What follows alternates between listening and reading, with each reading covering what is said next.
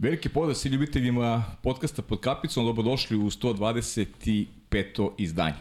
Pre nego što predstavim današnje goste, malo ću se osvrnuti na, na aktualnosti, s obzirom da se e, u Srbiji igra završnica šampionata, veliko finale između ekipa Novog Beograda i Crvene zvezde. Novi Beograd je slavio prvi utakmici, vodi 1-0 u seriji. E, sledeći nedelje, dakle pred sledeći podcast, možda ćemo znati ime e, novog šampiona, novog starog šampiona u slučaju da Novi Beograd savlada Crvenu zvezdu drugi put, a paralelno sa tom utakmicom igra se meč za treće mesto između ekipa e, Radničkog i Partizana. Partizan napravio brejk u Kragovicu, vodi sa 1-0 u seriji, u Beograd ima priliku da dođe do trećeg mesta i na taj način obezbedi kvalifikacije za e, ulazak, kvalifikacije za, uz ulazak u Ligu šampiona, baš tako kao što sam im počeo da, da besedim. E, pričat ćemo nešto više o tim aktualnostima u narednim podcastima, ima tu interesantnih stvari, želim da se osvrnem i na neke momente koje čini mi se, ne čini mi se, nego ne priliče uopšte vaterpolo kao sportu, ali kada dođe vreme za to, vrlo rado ću ovaj, podeliti to sa, sa gledalcima uz, uz goste koji će biti u, e, u nekim narednim podcastima. Naravno, igra se Liga šampiona, završnica je, te meče možete gledati na kanalima Sport kluba, ostalo su još pre nego što ovu emisiju pogledate još dva kola do kraja, tako da vrlo brzo nas čeka pravi vaterpolo spektakl u Beogradu, e, završni turnir Lige šampiona, igraće se na otvornim bazenima Uh, tako, 11. aprila, tako da to će biti zaista spektakl za razliku prošle godine kada onako baš i, i nije bila prilika da ljubite i vaterpola uživaju u onome što nudi e, klubska scena. Eto, toliko od tih aktuelnosti, ali kaže, bit ćete na vreme obavešteni ko će biti gosti i kada ćemo a, praviti emisiju koja će biti posvećena što domaćem šampionatu, što aktuelnostima u Ligi šampiona. A sada mi je čas da vam predstavim moje drage goste. E, nastavljamo serijal praćenja i predstavljanja, ajde kažem, takozvanih manjih klubova koji e, takođe e, bitišu na vaterpolo sceni sa svojim problemama, sa, sa svojim e, malim rezultatima, ali isto vreme i kreiranjem e, nekih e, lepih vrednosti koji, koji treba da budu, koji treba da oblikuju ovaj, ovaj sport. E, da ne dužim previše, videli ste Instagram profilima da su moji današnji gosti Petar Đukić, predsednik Vatrpol kluba Zemun i Vukota Vukotić, a, trener Zemuna. Dobrodošli, ajde za početak što postavljam svima kao pitanje kako vam se dopada u ovom, u ovom našem studiju na kraju univerzuma. Bolje vas našli. pa šta da kažem, vrlo je specifično ovako. Lepo je sedeti ovako u jednom neobičnom studiju i baviti se ovim o problematiku sporta koji ti koji se ti baviš, a koji smo mi već godinama, odnosno skoro ceo život. Dobar dan, bolje vas našli. Pa, opušteno, prilično prijatno u studiju. Hvala, hvala momci za početak da razvijem malo tu, da razvijem malo te tu tremu ako ima i da počnemo ono što je neka ideja. Ja sam malo zakasnio do duše jul prošle godine davno beše, evo još malo pa ćete da prostaviti 31. rođendan, ali negde sam u najavi napisao da je obeležavanje 30 godina od osnivanja Vatrepol kluba Zemun jedna od ideja da, da vas ovako zajedno ovde okupim. Pa Pero, ti si ovako pozvani da, da mi ovo ispričaš neke, neke priče vezano za samu ideju da se, da se Zemun osnove kao, kao Vatrepolo klub, pošto si ti u neku ruku i, ne u neku ruku, nego si i tvorac te ideje. Ajde, vrati se malo nazad, 30 godina ranije, kaži nam šta ti to trebalo? Ovo ti je pravo pitanje. Ali dobro, to je valjda usud svih nas koji se bavimo tim sportom. E, ja uvek kažem da je vaterpolo vrlo specifičan sport i da onaj ko se inficira vaterpolom prosto e, na razne načine ostaje uz tu priču, uz ljude, u situacije koje su i dobre i loše i prosto ne možeš da izbegneš tu karmu vaterpola koja, koja nas sve na neki način dalje objedinjuje na ovakav i način. E, pa kad, bi, kad me pitaš sad kako, kako je to počelo, e, pa moram jednu malu, da kažem, jedan mali, jednu digresiju da napravim, ja sam u, u, u svojoj nekoj mladosti igrao u Waterpolu, u Waterpol klubu Crna zvezda i kad sam završio karijeru, imao sam poziv iz tadašnje uprave zvezde, gospodin Solomon Dragan je bio tad u, u, u kako se zove, u direktor Crne zvezde i pokojni Bata Orlić je tu radio isto sa Miloradom Kriokapićem i oni su me eto pozvali kao ajde da radiš, da se baviš ovaj, da li si zainteresovan? I tako se ja počeo i jedno vreme sam ovaj, stvarno jedno, dve, tri godine sam se tu ovaj, zadržao i prosto sam uhvatio taj pelcer tog trenerskog nekog rada koji je vrlo, vrlo naporan i zahteva mnogo o, ovaj, od čoveka, mislim da i, i psihičke i fizičke energije, rad sa mladim ljudima, to je nešto što eh, onaj ko se time ne bavi ne može ni da shvati koju težinu nosi so.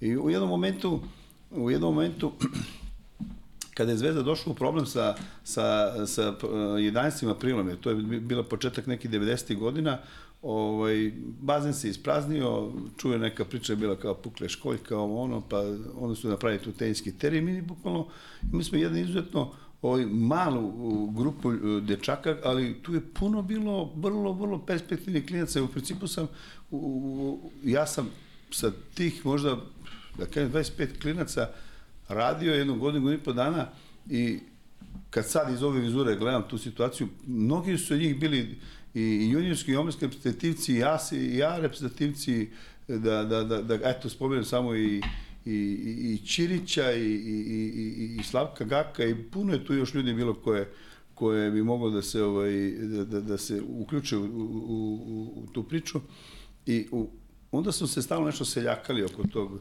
bazena na 25. maju tadašnjem sadašnjem Gale Muškatirović i onda ja sam kako kažem završavao studije na poljoprivrednom fakultetu u, u Zemunu i onda smo mi tu kao studenti išli u taj bazen u Pinki i onda se meni rodila ideja kako, kako ne bi bilo loše možda da ja, da ja faktički napravim jednu podsekciju Zvezde tu, da ustupim u konta i moj profesor pokojni Asi Murina je tu bio nama profesor na, na, na fakultetu i tako u tom nekom neobaveznom razgovoru ja ga zamolim kao što da ne, što da ne, to neka, neka ideja koja je totalno bila abstraktna, postaje da bude realnost. Mislim, i odjednom se tu stvara neka grupa momaka. Prvi upis je bio to 79. godište, kaj, uh -huh. 78. 79. I tu je tako počelo odjednom sa nekim minimalnim ulaganjima, golovi, lopte. Delovalo je malo ono smešno možda nekome, ali mi smo, kako su se deca ovo, uključivala u rad, mi smo dobili sve više naboja, energije da, da, da to prosto uspe. I, i, i, I tu su, moram da spomenem neki ljudi tu koji su u tom momentu radili sa mnom, tu je bio i Kosta Popović, onda je i Đorđe Đorđević se tu pojavio i e, kao trenerski kadar koji je tu počeo da radi u klubu, pa onda prvi naš nastup je bio ono ja sam shvatio odmah da ako, ako nema rezultata e, ovaj, juni, ove, prve selekcije, odnosno prvog tima, nema ni daljeg razvoja kluba. I sad ti nemaš svoj kadar, ali treba da napraviš ovaj, kako se zove prvi tim. I onda smo prosto išli tako e, do, do Partizana, pa do ovih, do onih tako, neki igrači koji su već bili otpisani, mi smo ih revitalizovali i bukvalno ih vratili u Waterpolo i mi smo napravili jedan prvi tim, ono, za respekt u, u toj srpskoj ligi. To se igralo možda 92. godine, da, 92. Mm -hmm. godina je bila Tako je, 92. godina i tu, tu smo ovaj, e, kako mogu se, tu je bio Vatapov klub Niš, pa, pa Paraćin, pa Rasina, pa Vračar, pa Obrenovac i sad u ono vreme sankcije onih totalnih e, ovaj, ludila koji su nas našli u tom periodu, mi se sad kao bavimo waterpolo, mislim. A bazen u Pinkiju gde smo sve to počeli da radimo, počeo se prazni, nema energenata, nema hemikalija, mi osvajamo to prvenstvo ubedljivo. U ovom momentu pričam neke ljude koji hoće da nas sponzorišu, razumeš, da tu se pojavio jedan moj kolega više fakulteta koji je već ušao u biznis, Dragan Simić koji ima firmu neku bez komerci koja je ono kao ajde daću vam za to prvenstvo ono vreme hiljadu maraka, pa to je za raz bilo kad je rekao hiljadu maraka, kad Dragane, pa da li je ovo moguće kao, i tako su mi tu, pojavio se pokojni Buca Digit, razumeš, koji je bio on je bio ovaj, ozbiljan biznismen tu zemunski i bio je prijatelj e, e, Vraneša, Predraga Vraneša, oni su zajedno studirali elektrotehniku i onda tako su mene nekako dobili do njega i on po Partizanu bio vezan za vaterpolo i kao, pa čekaj, ti stvarno misli osvo... E, kaže, evo, ja ću vam dati još neka sredstva ako i ja ću vam sponzoriti neku per... I tako je to krenulo, taj, to klubko, da se, da se odmotava, da se pojavljaju ljudi, pojavljaju se pokojni Dule Adžić koji je dugo bio isto sekretar kluba, koji, to, to su ljudi, mi smo napravili jednu priču porodičnu, bukvalno, gde smo se svi poštovali uh, i, i tačno smo otprilike znali ko koji posao već u nekom periodu naravno treba da radi. Ovo smo mi 94. ušli u drugu ligu, po, pobedili u toj Srpskoj ligi, 94. ušli u drugu ligu, pa je tu došao Žarko Stefanović, e, bivši igrač, kapitan Zvezde, e, ovaj, koji je igrao Tristini, pa smo tu malo pojačali, pa smo onda u toj drugoj ligi o, ušli u Final Four, pa osvojili treće mesto, pa onda ušli u prvu B ligu, kao, bukvalno ta prva B liga 95. je pravila kao četiri grupe, prvaci grupa, to je bila ono Srbija Crna Gora, prvaci grupa direktno ulaze u, u, u prvu u B ligu i mi smo tu ispred Niša koji je tad već imao ogromna sredstva, Herodek mi je bio tamo ovaj, kako bi ti rekao, u, kako bi rekao, u, u ekipi pojačanja, trener bio Mišo Babović, pa pojačanje Crne Gore, onaj Kirokapić, pa, pa, pa Kikinđani. I mi ispred svih njih Zemun, mučeni iz Kade, osvoja prvo mesto i mi se obresmo u prvoj ligi, e, prvoj B ligi. I tako je to sad, kako onda smo sabrali seli jedan dan sa, ko, ko, ko pokojno buce u kancelariji, oni ima kancelariju Pinke, da vidimo koliko su mi to novaca potrošili i to kad se sabralo, dobro, pa uključi se tu i Dragan Đurić, ne mogu da kažem, vlasnik Zekste tadašnje, pa tu se sad... E, Dragan Đurić, ovaj što je bio predsjednik Partizana. Da, da, da, da.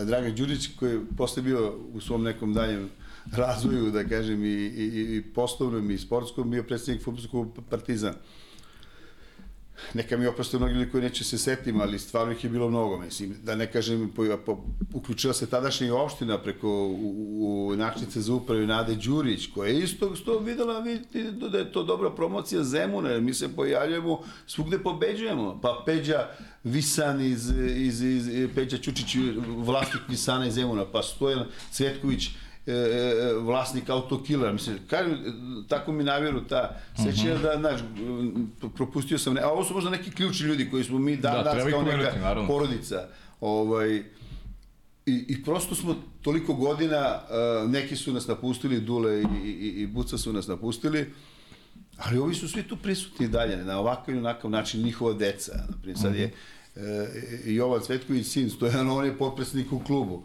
I, i, i, i tako da, mi smo u jednom momentu, znači, iz te prve B lige 97. došli da igramo za ulazak u prvu A ligu. I mi igramo e, taj neki turnir za ulazak u prvu A ligu, osvojimo, tamo uđemo u, u prvu A ligu, nemamo čime da igramo, nemamo gde da igramo. Nemamo sredstava, jer mi znamo da to košta. I onda sednemo i kao ljudi mi otkazujemo ulazak u, da ćemo sad idemo, ulazimo u, u, u, u, u, u takmičarsku u, u Idurmu sa Zvezdom, Partizanom, Beče, mislim, to ni, nemamo ni s čime, a nemamo ni odakle. Ni iz kog bazena. Iz kade. Da, iz kade. iz kade ne možeš, e, nama je puno tu u toj situaciji Buca pomogao, ovaj, jer je u, u, u razgovoru sa, sa ovim uh, Vranešom dogovorio da mi možemo na banjici da igramo te utakmice i to je nešto što je to neka naša saradnja sa Partizanom koja je i dan danas na neki način traje, potiče iz tog nekog perioda. I mi smo odatle tu igrali koliko smo mogli s njima da se dogovoramo i tako smo bitisali uvek bez svog nekog, nama je matični bazen Pinki u zemlju, ali to nije adekvatan bazen, to nije bazen da ti možeš da igraš zvaničnu utakmice osim za decu do 9, 10, 11 mm. I evo, tu smo, gde smo da bi u jednom momentu, sad da ne dužim priču, ovaj, došli do ulaska u Superligu, pa onda sedmi u Superligi iz Kade, pa nešto smo malo uspeli na 11. aprilu da nađemo neke termine, pa smo to opet nekako izgubili, pa smo ostali samo na jednom terminu subotom, ne znam koji su to razlozi, nikako nismo mogli sa tom njihovom upravom e, bazenskom da nađemo neke zajedničke, nikad nikom nismo dinar ostali dužni u stvari, ne, ne postoji taj problem, nego jednostavno nije bilo razumevanja, da kažem. Uh -huh, uh -huh. I onda mi tu sad, i, i, i iz tog ugla, i sad, iz te vizure, opet nastupamo kao klub u, u prvoj, u prvoj A ligi, prošla sezona, mi smo bukvalno imali neku, da kažem, percepciju da treba da se borimo za opstanak, međutim mi smo došli u situaciju da se borimo za ulazak opet u Superligu. To je taj neki naš inat, da kažem, zemunski, ovaj, i, i, i što se kaže, grizemo do kraja. Uh mhm. -huh. Ali, prosto je malo i sad, e, da, da završim ovaj neki uvodni deo sa ovim, e, e, prosto je nemoguće da, da, da, da, da ljudi iz tih nekih političkih struktura nemaju taj e, osjećaj da, da vide neke stvari, jer u, u, sad u, u, u, u svetlovi dešavanja koja, neprijatnih e, situacija koje su nam se desile, mislim, koje su prosto sve nas pogodile na jedan specifičan način, da, da kad Jasne. se sastaviš sa sobom ne znaš da odgovoriš na, na mnoga pitanja, a rad sa mladim ljudima je upravo e, e, ovaj, i sport koji možda u nekim e, segmentima ima taj, neko, taj edukativni karakter koji je mnogo izraženiji, mnogo se brže i, i jače e, ovaj, stiče u sportskom kolektivu. Ta socijalizacija, socijalizacija sportska je nešto što e, u školskim e, klupama ovaj, ne može ni da, da, da, da, da se oseti, a kamoli da se u tom smislu e, e, e profiliše ličnost mladog čoveka.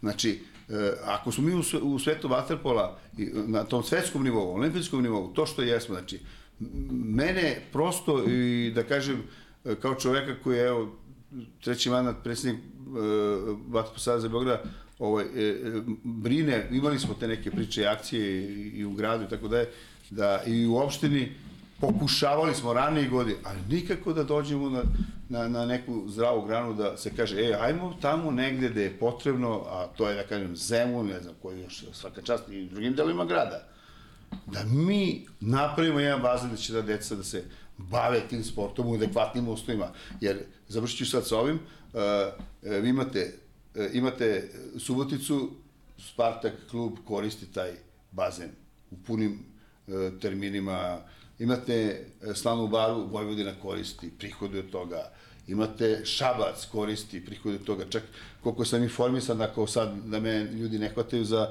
za reč, ali neka bude pretpostavka, ali mislim da je istina, da čak i grad plaća određene troškove i u Novom Sadu, i u, i u, i u, i u, i u Šapcu. Šapcu.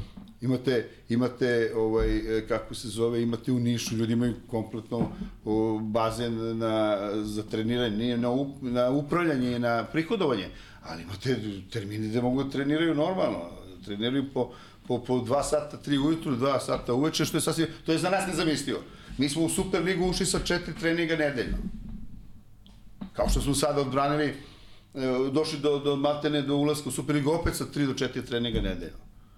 I, i, i prosto, da kažem, uz neke da kažem, pomoć, neku pomoć Partizana da da neke terminčiće na, na, na banjici kad je, kad je, kad, kad je, kad je to njima mm -hmm. ovaj, uslovi njihovi dozvoljavaju. Mm -hmm. Tako da, opet smo negde na početku, ali sve se nadamo da ćemo uspeti da, da, da tu ideju negde ipak probijemo i da, i da neko se seti da kaže ajmo sistemski da rešavamo problem. Znači od uslova za rad, finansiranja klubova, ozbiljni, da se izvrši kategorizacija tih klubova i da kažemo, e, to je put koji ćemo da ide. Da ne zavisimo nikoga. Ne kažemo da zavisimo od države. Država je tako će nam dati i ti ispoštivaš kriterijume u tom si filmu ili nisi u tom. Bez obzira ko je na vlasti, da li je ovo ili on je na vlasti. To je nebitna stvar. Trebamo a politički tu pri, priču. Ali eto, valjda će to vreme doći. Da. Dobro, pero i početak je takav da, da imam ja tu sad mnogo još pod pitanja i onda ćemo uh, kroz emisiju ćemo doći od toga zašto Vatrpol klub Zemun treba dobije treba dobije bazen, zašto opština Zemun treba dobije jedan normalan bazen. Vukota Vukotić je trener, Vukota ajde za početak onako jedna uh, priča, uh, nedavno je ovde bio gost i vaš nekadašnji golman Sretković koji mi je rekao da ne bi deo karijere bukvalno proveo, proveo u Zemunu, pa Kaži mi šta je tebi asocijacija ovaj, kada kažeš Vatrpol klub Zemun, mnogo si vremena uh, ovaj, u klubu, šta je neka tvoja asocijacija ovaj, prva, prvo što pomisliš kad se kaže Vatrpol klub Zemun? Uh, pa, ajde da kažemo neka, neka porodična atmosfera, da se mhm. ljudi osjećaju na, na, na tom bazenu, u toj ekipi kao, kao da su u drugoj kući. Su relaksirani, da vole da dolaze, da vole da se bore, da se okupljamo oko iste ideje. Uh mhm. -huh. Ovaj, međutim, sad, uh, Strahinja je već uh, došao na već nek, neka vrsta uhodanog sistema, iako je jako uh mhm. -huh. doprineo ovaj, tom, tom odnosu unutar, uh, unutar kluba. Ovaj, prosto to su, to su godine selektiranja tih igrača. Uh mhm. -huh. Razumijete? To su mahom momci koji su imali neke neke vizije svog života koje su usmjerene u pravcu obrazovanja, rada u struci mimo vaterpola, a vaterpolo da dođe otprilike kao neka vrsta hobija. Uh -huh. Što ovaj, je nama negdje odgovaralo. Odgovara vam i, i, i da decu vaspitavate koji su u klubu, da, uh -huh. da razmišljaju na taj način. Znači, ja sam došao 2001. godine na, na otprilike to je godina kad je kad e, poslednja koju je taj prvi tim e, igrao Uh -huh. Mi par godina posle toga nismo imali ovaj seniorsku ekipu, ali bila je jasna ta perina vizija, ovo čemu je on pričao, e, šta on hoće kako je, šta on želi od tog kluba, gde, koji je pravac kretanja tog kluba. Tu je bio i, i, i Đole, spomenuo ga je Đorđe Đorđević. Ovaj, a došao sam kao trener uh, dečaka rođenih, dečaka od 11 godina. Uh -huh. To je generacija 90. godište. I ovaj, uh, Tako se, mislim da je ta generacija uh, kad je stasala na 15-16 godina da smo mi opet uh, oformili taj seniorski tim, igrali tu ljetnju ligu, pojačane naravno sa, sa ovaj nekim igračima, ali smo se uvijek trudili da to bude neki odnos 70% dečaka iz naše škole, a 30% da, da, da bude ovaj sa strane, što je vrlo specifično, ja kao neko ko nisam iz, nisam iz Beograda, uh mhm. -huh. ovaj, taj mentalitet je vrlo, vrlo čudan, mislim čudan u pozitivnom smislu, ovaj, jer i kao igrač, taj sastanak, na primjer, pred utakmicu, pa, ili danima pred utakmicu, ovaj, uvijek je zahtevao da imate neku vrstu moralnog govora, ono da, da, da, da napravite uh, situaciju gde će da se ekipa bori jedan za drugog. Ovaj, e, taj fenomen prvi na koji sam ja naišao, ovaj, je kad vi od, održite takav govor malim zemuncima, makar imali 11 godina, vi dobijate neki efekat gde oni pre, prenagljuju u, u, u nekim reakcijama u pravljanju samog faula, u isključenju, izbačaju. Mm -hmm. Ovaj, tako da s te strane nama o, negde posle olakša. Mislim, meni kao mm -hmm. treneru, ovaj, a vjerujem da bi se i, i, i moje kolege složile sa tim. Ovaj, I to je nešto što se nikada nije mijenjalo od te 2001. do, do, do dana današnjeg, da, da, da imate neku vrstu melanholije prema utakmici. E, ovi su bolji, aj samo da odradimo tu utakmicu. Znači, ja ne, ne pamtim utakmicu koja je bila, koja je bila takva. Uh mhm. -huh. Što je iskren, da vam budem, to je to je osnov. On možda, on možda slabije, on je možda manje spreman, možda manje zna i tako dalje. Međutim, benefit ovaj, za tebe kao trener. Apsolutno, apsolutno, apsolutni benefit. Znači, tako da taj manjak nekih uh, adekvatnih uslova, da kažemo, koji se vidi od, recimo, neke 13. godine, jer do 13. godine ovaj taj Pinki nam i uvijek izlazi u susret, to moram da, da, da, da mhm. naglasim. Mm -hmm ovaj, ti neki uslovi su, ajde da kažemo, minimalni, neću reći optimalni, za te dečake od, od te neke desete godine pa do 13. Već od 13. godine ovaj, to je malo složeni rad i, i, i, i tu, e, da kažem, kao trener, e, postoje određene manjkavosti ovaj, e, u radu. Svatite kad radite mhm. -huh. neku grupnu ili ekipnu taktiku, sada ne ulazim u, u, u, u suštinu. Ovaj, međutim, sve te manjkavosti se potiru sa ovim, tom željom, tom voljom, tim osjećajem pripadnosti tih momaka i koji su dolazili u godinama posle. Ovaj, mm -hmm. Ovo što je o, Pera pričao, ovaj, nekako su se uklapali.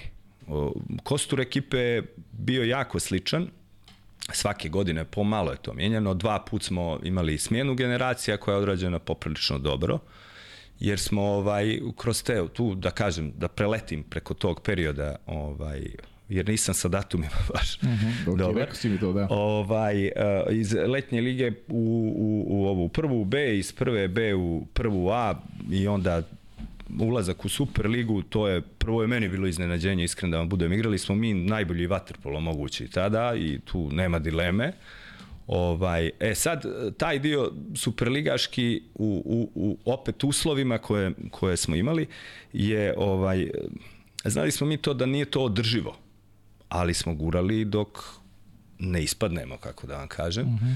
I možda u tom periodu ta naša prepoznatljiva, ta škola, da kažemo, već mogu reći da je prepoznatljiva, uh, u tim godinama igranja Super lige, mislim da je malo bila već poljuljana, jer, jer uh, um, da bi igrali u Super ligi, makar i u tom donjem domu, o čemu su vam pričali Strahinja i Bana, ovaj, jer to su vam dometi, mislim, prvih 5-6 ekipa su drastično bolji. Mislim, mm -hmm. i tu, tu koliko god da se trudite, upirete, teško je, teško je ući u tu grupu.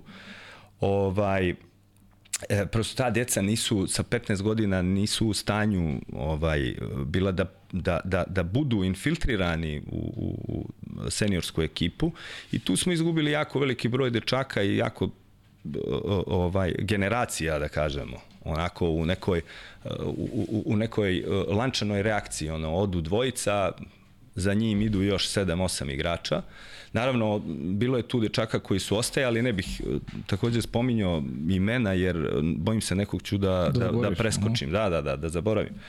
Ovaj, e, tako da u tom delu ovaj, smo po meni izgubili, mislim po nama, jel? tu analizu smo pravili sad ova, ova varijanta prve A lige u okviru uslova koji imamo, ovaj, koji su takvi kakvi jesu, mislim, jeste ovo četiri termina ovaj, koja imamo uveče mahom na banjici, to je moram da se zahvalim Vaterpolu klubu Partizan koji je imao slubuha za to da nam izađe u susret, imamo najbolju moguću saradnju sa njima.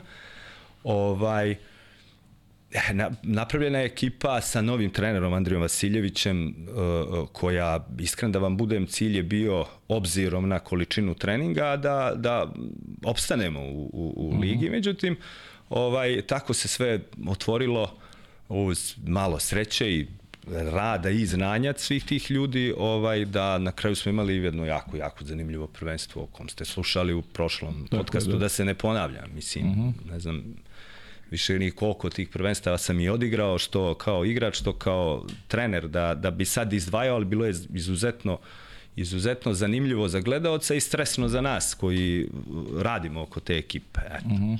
Uh -huh. Tako da eto to je otprilike ovaj neka neka priča u ovom delu ovaj istorije Zemuna od kad sam ja tu. Uh -huh. Tako da Pero ti si eto zahvaljujući poljoprivrednom fakultetu ti si postao Zemunac, ovaj Vukota takođe koji je Kotoranin. Vi ste sada ovaj taj neki dug Zemuna ovaj prenosite jako dugo ste tamo. Priča Vuko to mi je interesantno to o toj specifičnosti ovaj e, dece koja su sportski, sportski nastrojena. Pa kaži mi šta je bila neka, neka vizija svih tih ljudi koji si, koji si nabrojao s početka ovaj, upravo to, taj moment da se deca bave sportom, a pritom Zemun koji je velika opština, verujem da si ponosan na neki koji su iz Zemuna upravo počeli da se baje vatrepolom i, i taj neki svoj talenat i tu neku sportsku drskost koju, koju e, imaju rođenjem su negde prendala u nekim, nekim drugim klubovima. Pa jeste, vidiš, e, Vuko te je sad rekao neke stvari koje su tiče direktno tog, tog edukativnog rada i pedagoškog rada s decom. Mi stvarno imamo ta, takvu sreću da ti momci koji su kod nas dolazili u klub da se stvarno po tom, da kažeš, zemunskoj, zemunskoj vokaciji specifični skroz, mislim. Ali ono što je, e, e, pazi, toliko godina e, je klub postoji, toliko je mladih ljudi prošlo. Mi faktički e, možemo da budemo ponosni na sve te momke. E, mi nemamo sad nekog da kažeš, e, govorimo u nekom smislu negativno, da istaknemo nekog, nešto je naružio i, i imidž kluba. Jo. To su e, ljudi koje danas danas srećeš na ulici i koji te pozdravljaju, koji, e, koji, koji voli da, da sednu, popiju kafu, popričaju, šta je s klubom, je bitne, šta je s klubom, ono što on kaže, uvek smo mi negde neka, ovaj, po, po nekoj, nekoj našoj notaciji bili porodica. I tako sam ja i koncipirao i u doktrina tog razvoja jeste da ta deca igraju tu, jer e, zašto sam ja razmišljao tako u, u nekom e, e, tom doktrinarnom smislu? Jer ako hoćemo da budemo iskreni, mislim, čovjek se najlepše osjeća tamo gde mu je ovaj, lepo u smislu ljudi koje, s kojima se druži, komunicira i radi. I, i, i prosto taj neki profesionalizam o kojem mi svi pričamo i koji se uvek kažeš profesionalizam, u stvari se vrti priča oko, oko novca, znaš. I sad ti čim u, u tu kategoriju novca ubaciš uh, u, u celu tu u, ovaj, imaginaciju, onda se pokvari čarolija. E, mi, smo, mi smo nekako uspeli da, pored tog odabira selekcije dece koje imamo, da, da, i da taj novac nekako ubacimo u celu priču, jer normalno da taj momci mladi koji igraju za tim trebaju da, ovaj, kako se zove, dobiju odgovarajuće sredstva koje mi kao klub možemo da damo. Nikad nismo davali više od onoga što smo mogli, a davali smo prilično solidno, a da nikad nikom nismo ostali dužni jedan jedini dinar, što je kuriozitet. Sad neću da se poredim, da poredim naš klub sa bilo kim klubom, ali e, neka se taj javi kome smo mi ostali dužni. Platit ćemo mu odmah dug. ovaj, I tako da smo mi tu čaroliju nekako uspeli to da spojimo i da, i da budemo u tom smislu specifični. I, I pored toga što sad imamo i izbor ljudi, e, mi smo se ozbiljno bavili time ovaj, ko može da uđe u Zemun od trenerskog kadra i od igračkog kadra. Znači tu mi posebno, e, ja sam gledao da, da, da te ljude koji e, pored tog igračkog kadra koji, e, koji je morao da zove određene karakteristike u tom psihomotoričkom e, smislu i da bi mogao dalje da napravi, da bi ga nekako, da bi prošao te omladinske selekcije. Posle godine nismo mi išli kroz omladinske selekcije, ajde samo da prođemo. Tu smo uspeh, e, medalje, titule i to je sve e, nešto što je realnost i što, što postoji. Nismo, nisu to priče za malu decu. E, e, to su bitke bile na bazenima i u zemlji, i u Evropi, od Moskve, Barcelone, Atine, nikad neću zaboraviti meč u Atini gde, gde, gde, gde, gde mi igramo sa, sa ovaj, e, Olimpijakosom za ulazak u final nekog velikog međunarodnog turnira pred 10 godina I onda počeo, počeli su ljudi iz, iz, ovaj, iz Vuljagmenija, ceo Vuljagmeni i cijele tribine da bio za zemlju. Razumeš, jesmo, malo, malo Aleksu Miloševića smo po, po posle utakmice završio, zavisi to, to je fenomen. On je završio na kisoniku. Zavisi ti koliko se čovjek dao klubu, mislim. On je završio na kisoniku. Ja sam bio tu prisutan, ono, kad je došla lekarska ekipa, pa gledam, da je, i počeo sam da plaćam od sreće, ja ne mogu da verujem, znači da smo mi taj nivo postigli da, da znači, ti ljudi, ta, ti mladi ljudi, razumeš, koji su dan danas, kad ih sretneš, vidiš tu, ovaj, svi su, da kažem, ovaj, dobri momci, mislim, uvek ima nekih iskoka ovaj, koje Pa da, to je, je normalno, mislim. Ali hoću da kažem da, da smo uspeli da u tom uh, segmentu gde, gde novac počeo da radi svoje i gde se sa celom tom matematikom prave odgovarajući centri, mislim. Centri se prave shodno kad neko odluči, napravit ćemo tu neki vaterpolo centar, imamo te i te uslove, treba nam toliko i toliko novaca i mi onda tu pravimo jedan centar. Pa se tu priča razvija, pa odjednom to ide u neke megalomanske ovaj, kako da kažemo, ovaj, okvire koje koje svi vidimo da prosto ovaj, e, ne idu na dobro, ali to imamo razlog zašto traju. I sad, kad, pošto sam ja čovjek iz tog sporta i ti dosta stvari, ko se znamo sad ovako u, u nekom e, prehodnom periodu, vidim da si vrlo ovaj, upućen u, u mnogo mnogo dešavanja i poznaš i puno ljudi. E, znači, ti centri prosto, po mom nekom mišljenju, ovaj, e, e, nemaju pravi, ne, ne postižu, osim da kažem, e, što, što, što se reputacija, reputacije diže na viši nivo i tako dalje, tako dalje. Ako je samo to uslov da se to radi u zarad toga, onda mi svesno gubimo na ovom drugom polju, da zapostavljamo ove klubove koji bi isto možda mogli kroz jedan e, realan, e, realno planiranje i programiranje razvoja Mogli da budu to što su i ti drugi. Zašto bi drugi imali privilegiju? Mi smo imali jedan veliki partizan, koji je stvarno u jednom momentu pokazao silu na evropskom nivou i to je nešto što je ostalo negde upamćeno. Ali taj veliki partizan nije na, slučajno nastao na livadi, pa je sad neko došao i napravio partizan i on je postao prvek, 7 puta prvek Evrope. Sve su to stvari koje su... E, šta smo na kraju dobili? Dobili smo puno dobrih igrača, jeste, i puno medalja, sve to. Ali nismo smeli da dopustimo da se to desi Partizanu. Razumeš šta pričam? Ovaj, e, onda imate, sad, imate takih sad, imate i sad takih, e, ovaj, da kažem, primera. Mm. E, hoću da kažem, e, možda se ta sredstva i, i to planiranje i programiranje u sportu treba uh, uh, uh, na nekom nivou, opet je to da kažem, uh, da kažem i nivo države, odnosno saveza, da se napravi jedna sistemska ovaj, politika koja donosi sistemska rešenja i da svaki klub može da aplicira za tu wild kartu ili kartu zelenu, kako god da, da može da učestvuje i da da sebe u smislu da postigne odgovarajući uspeh. A da pritom ima uslove od bazena i nekih sredstava koje klub normalno mora da ima da bi funkcionisao. Uh -huh. U tom smislu, uh, mi kao zemunci smo se najviše oslonili na sebe. Ne mogu da kažem, grad je puno pomogao time što je daje sredstva za termine i to je svaka čast i to, bez toga nijedan klub ovde ne mogu da funkcioniš. Znači, da grad se, sekretar za sport daje odgovorica sredstva i tu nema dileme. To ne, I to je nešto što je dobro. Preko Beogradskog saveza se finansira, na primjer, i, i treneri, i trenerski kadar u 15 klubova, koje, vaterpol kluba koji su u, u, u olimpijskom razredu. Pa se uh, stipendiraju klinci 10 najboljih uh, perspektivnih klinaca. To je sve u vreme, uh, da kažem, u vreme dok je Slavko Gag bio generalni sekretar, uspeli smo te neke modulacije da napravimo, da, da prosto damo da damo svima do, do, do, do, do, ovaj, do značaja da pokušamo da svima damo mogućnost da se razvijaju od igrača, igračka, trenerskog kadra, stručnog kadra, znači i, i, i, i, i, i, i samog kluba, jer i, i klub što ima više termina, ima više uslova za rad. Ali opet sad vraćamo na našu sudbinu, mi nemamo, osim tog našeg Pinkija, koji je neuslovan, ali je naš jedan jedini, ovaj, mi realno nemamo pravi uslov za rad. Mm. I, šta, šta znači be, nema uslova? Ajde, malo pojasni gledalcima ovaj, šta to znači? E, koliki je to bazen, e, pa, zovete kada?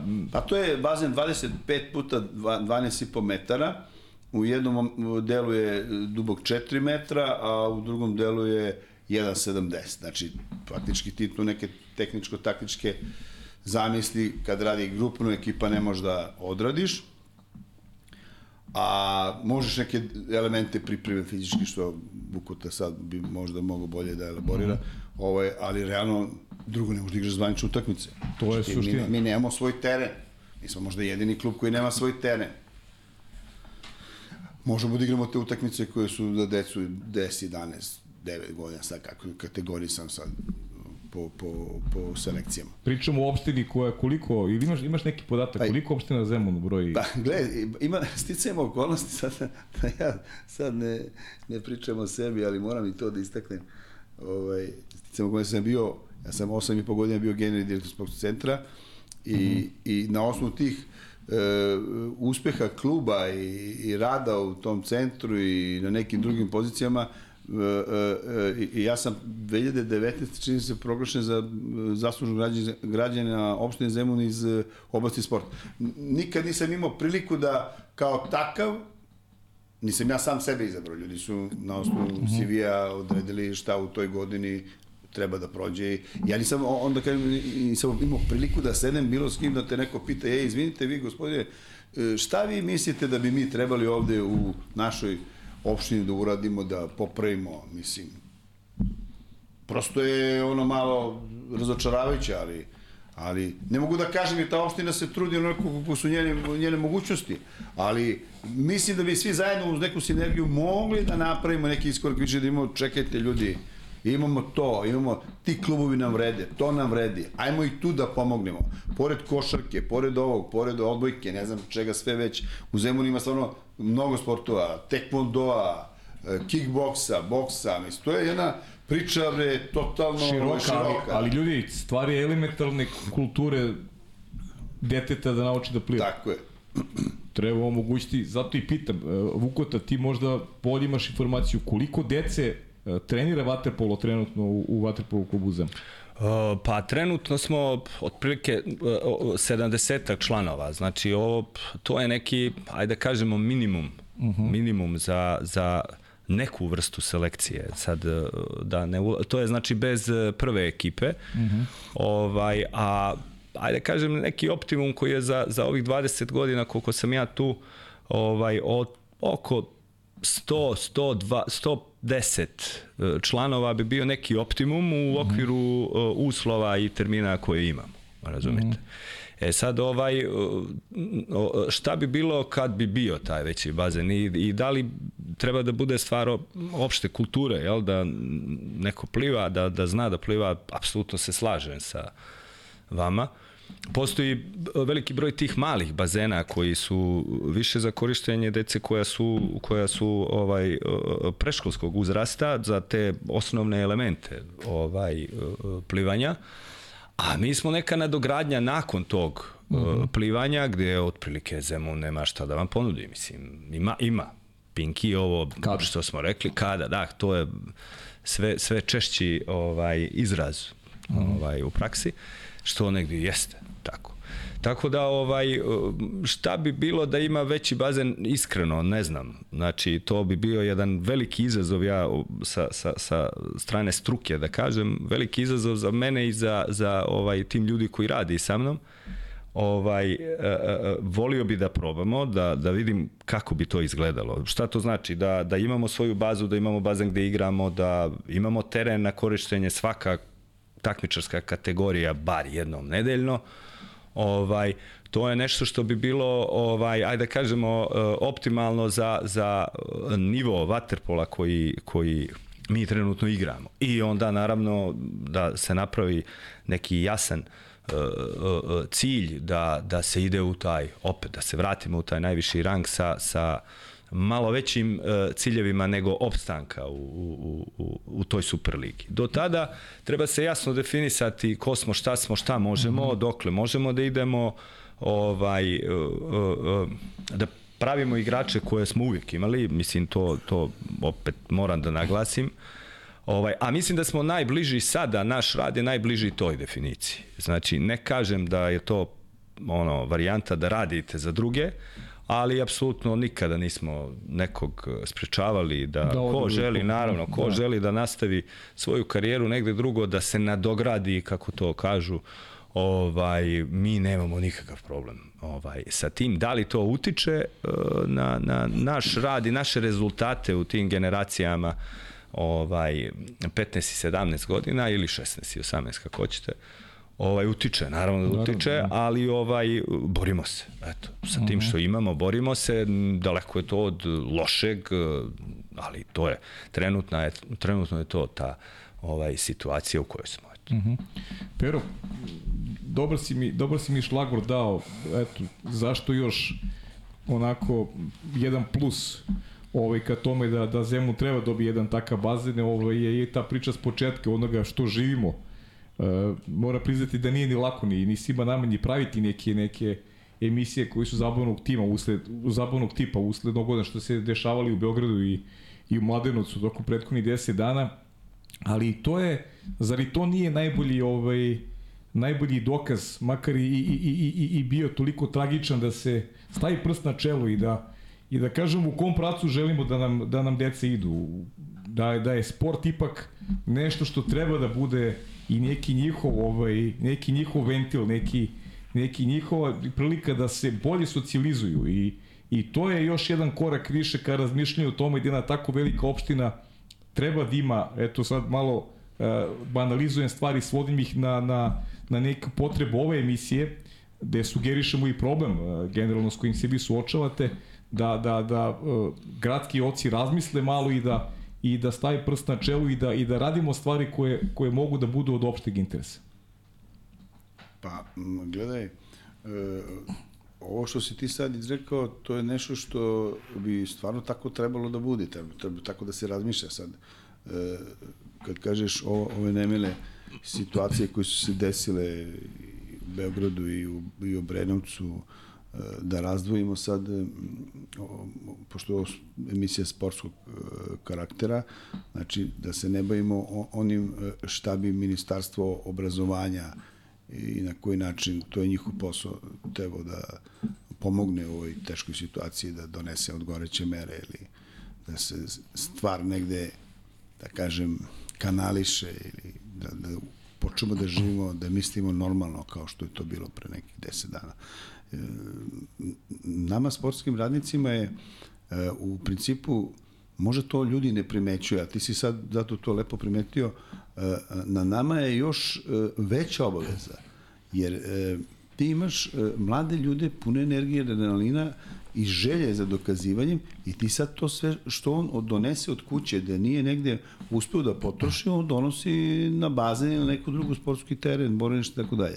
Znači, zato uvek kažem i ponavljam, mora sistemski da se reši, znači, pitanje sporta. Znači, u, u smislu, o, znači, kao što se kuća pravi od temelja, pa do krova, znači ovde moramo da postavimo šta su, koji su to potrebni uslovi za funkcionisanje. Govorim sad o vaterpolu, mislim mm -hmm. i na mhm. druge sportove, da ne budemo sad, da, da, da, da ne budemo e, nekolegijalni. Ovaj, znači, znači, a sad smo fokusirani na vaterpolo. Znači, osnovni, eh, osnovni eh, eh, eh, eh, moment jeste uslovi za rad. Znači šta je? To je bazen.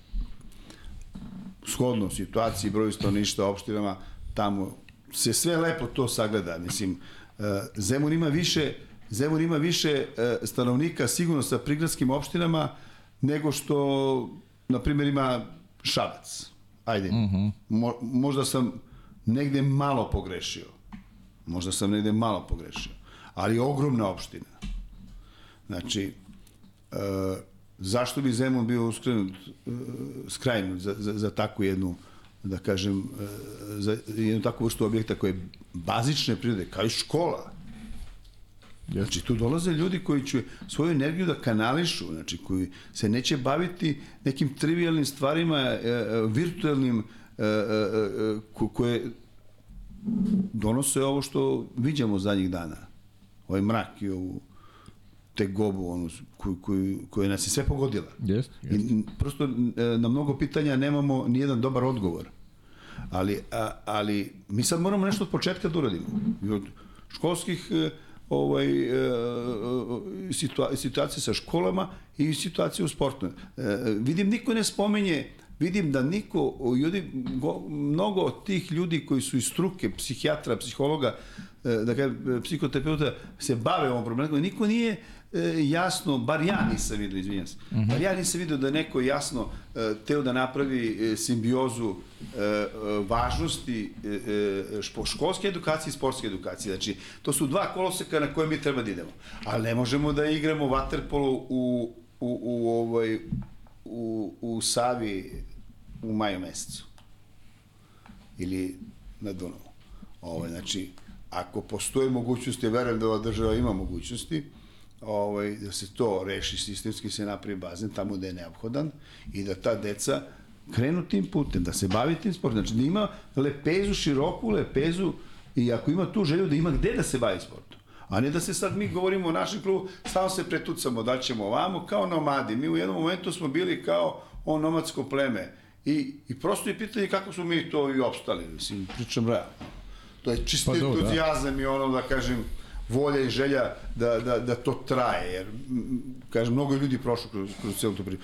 Onda, onda, kad uradimo te osnovne stvari, znači krenemo na, na, imamo uslove za rad, e onda sistemski opet treba da se reši finansiranje.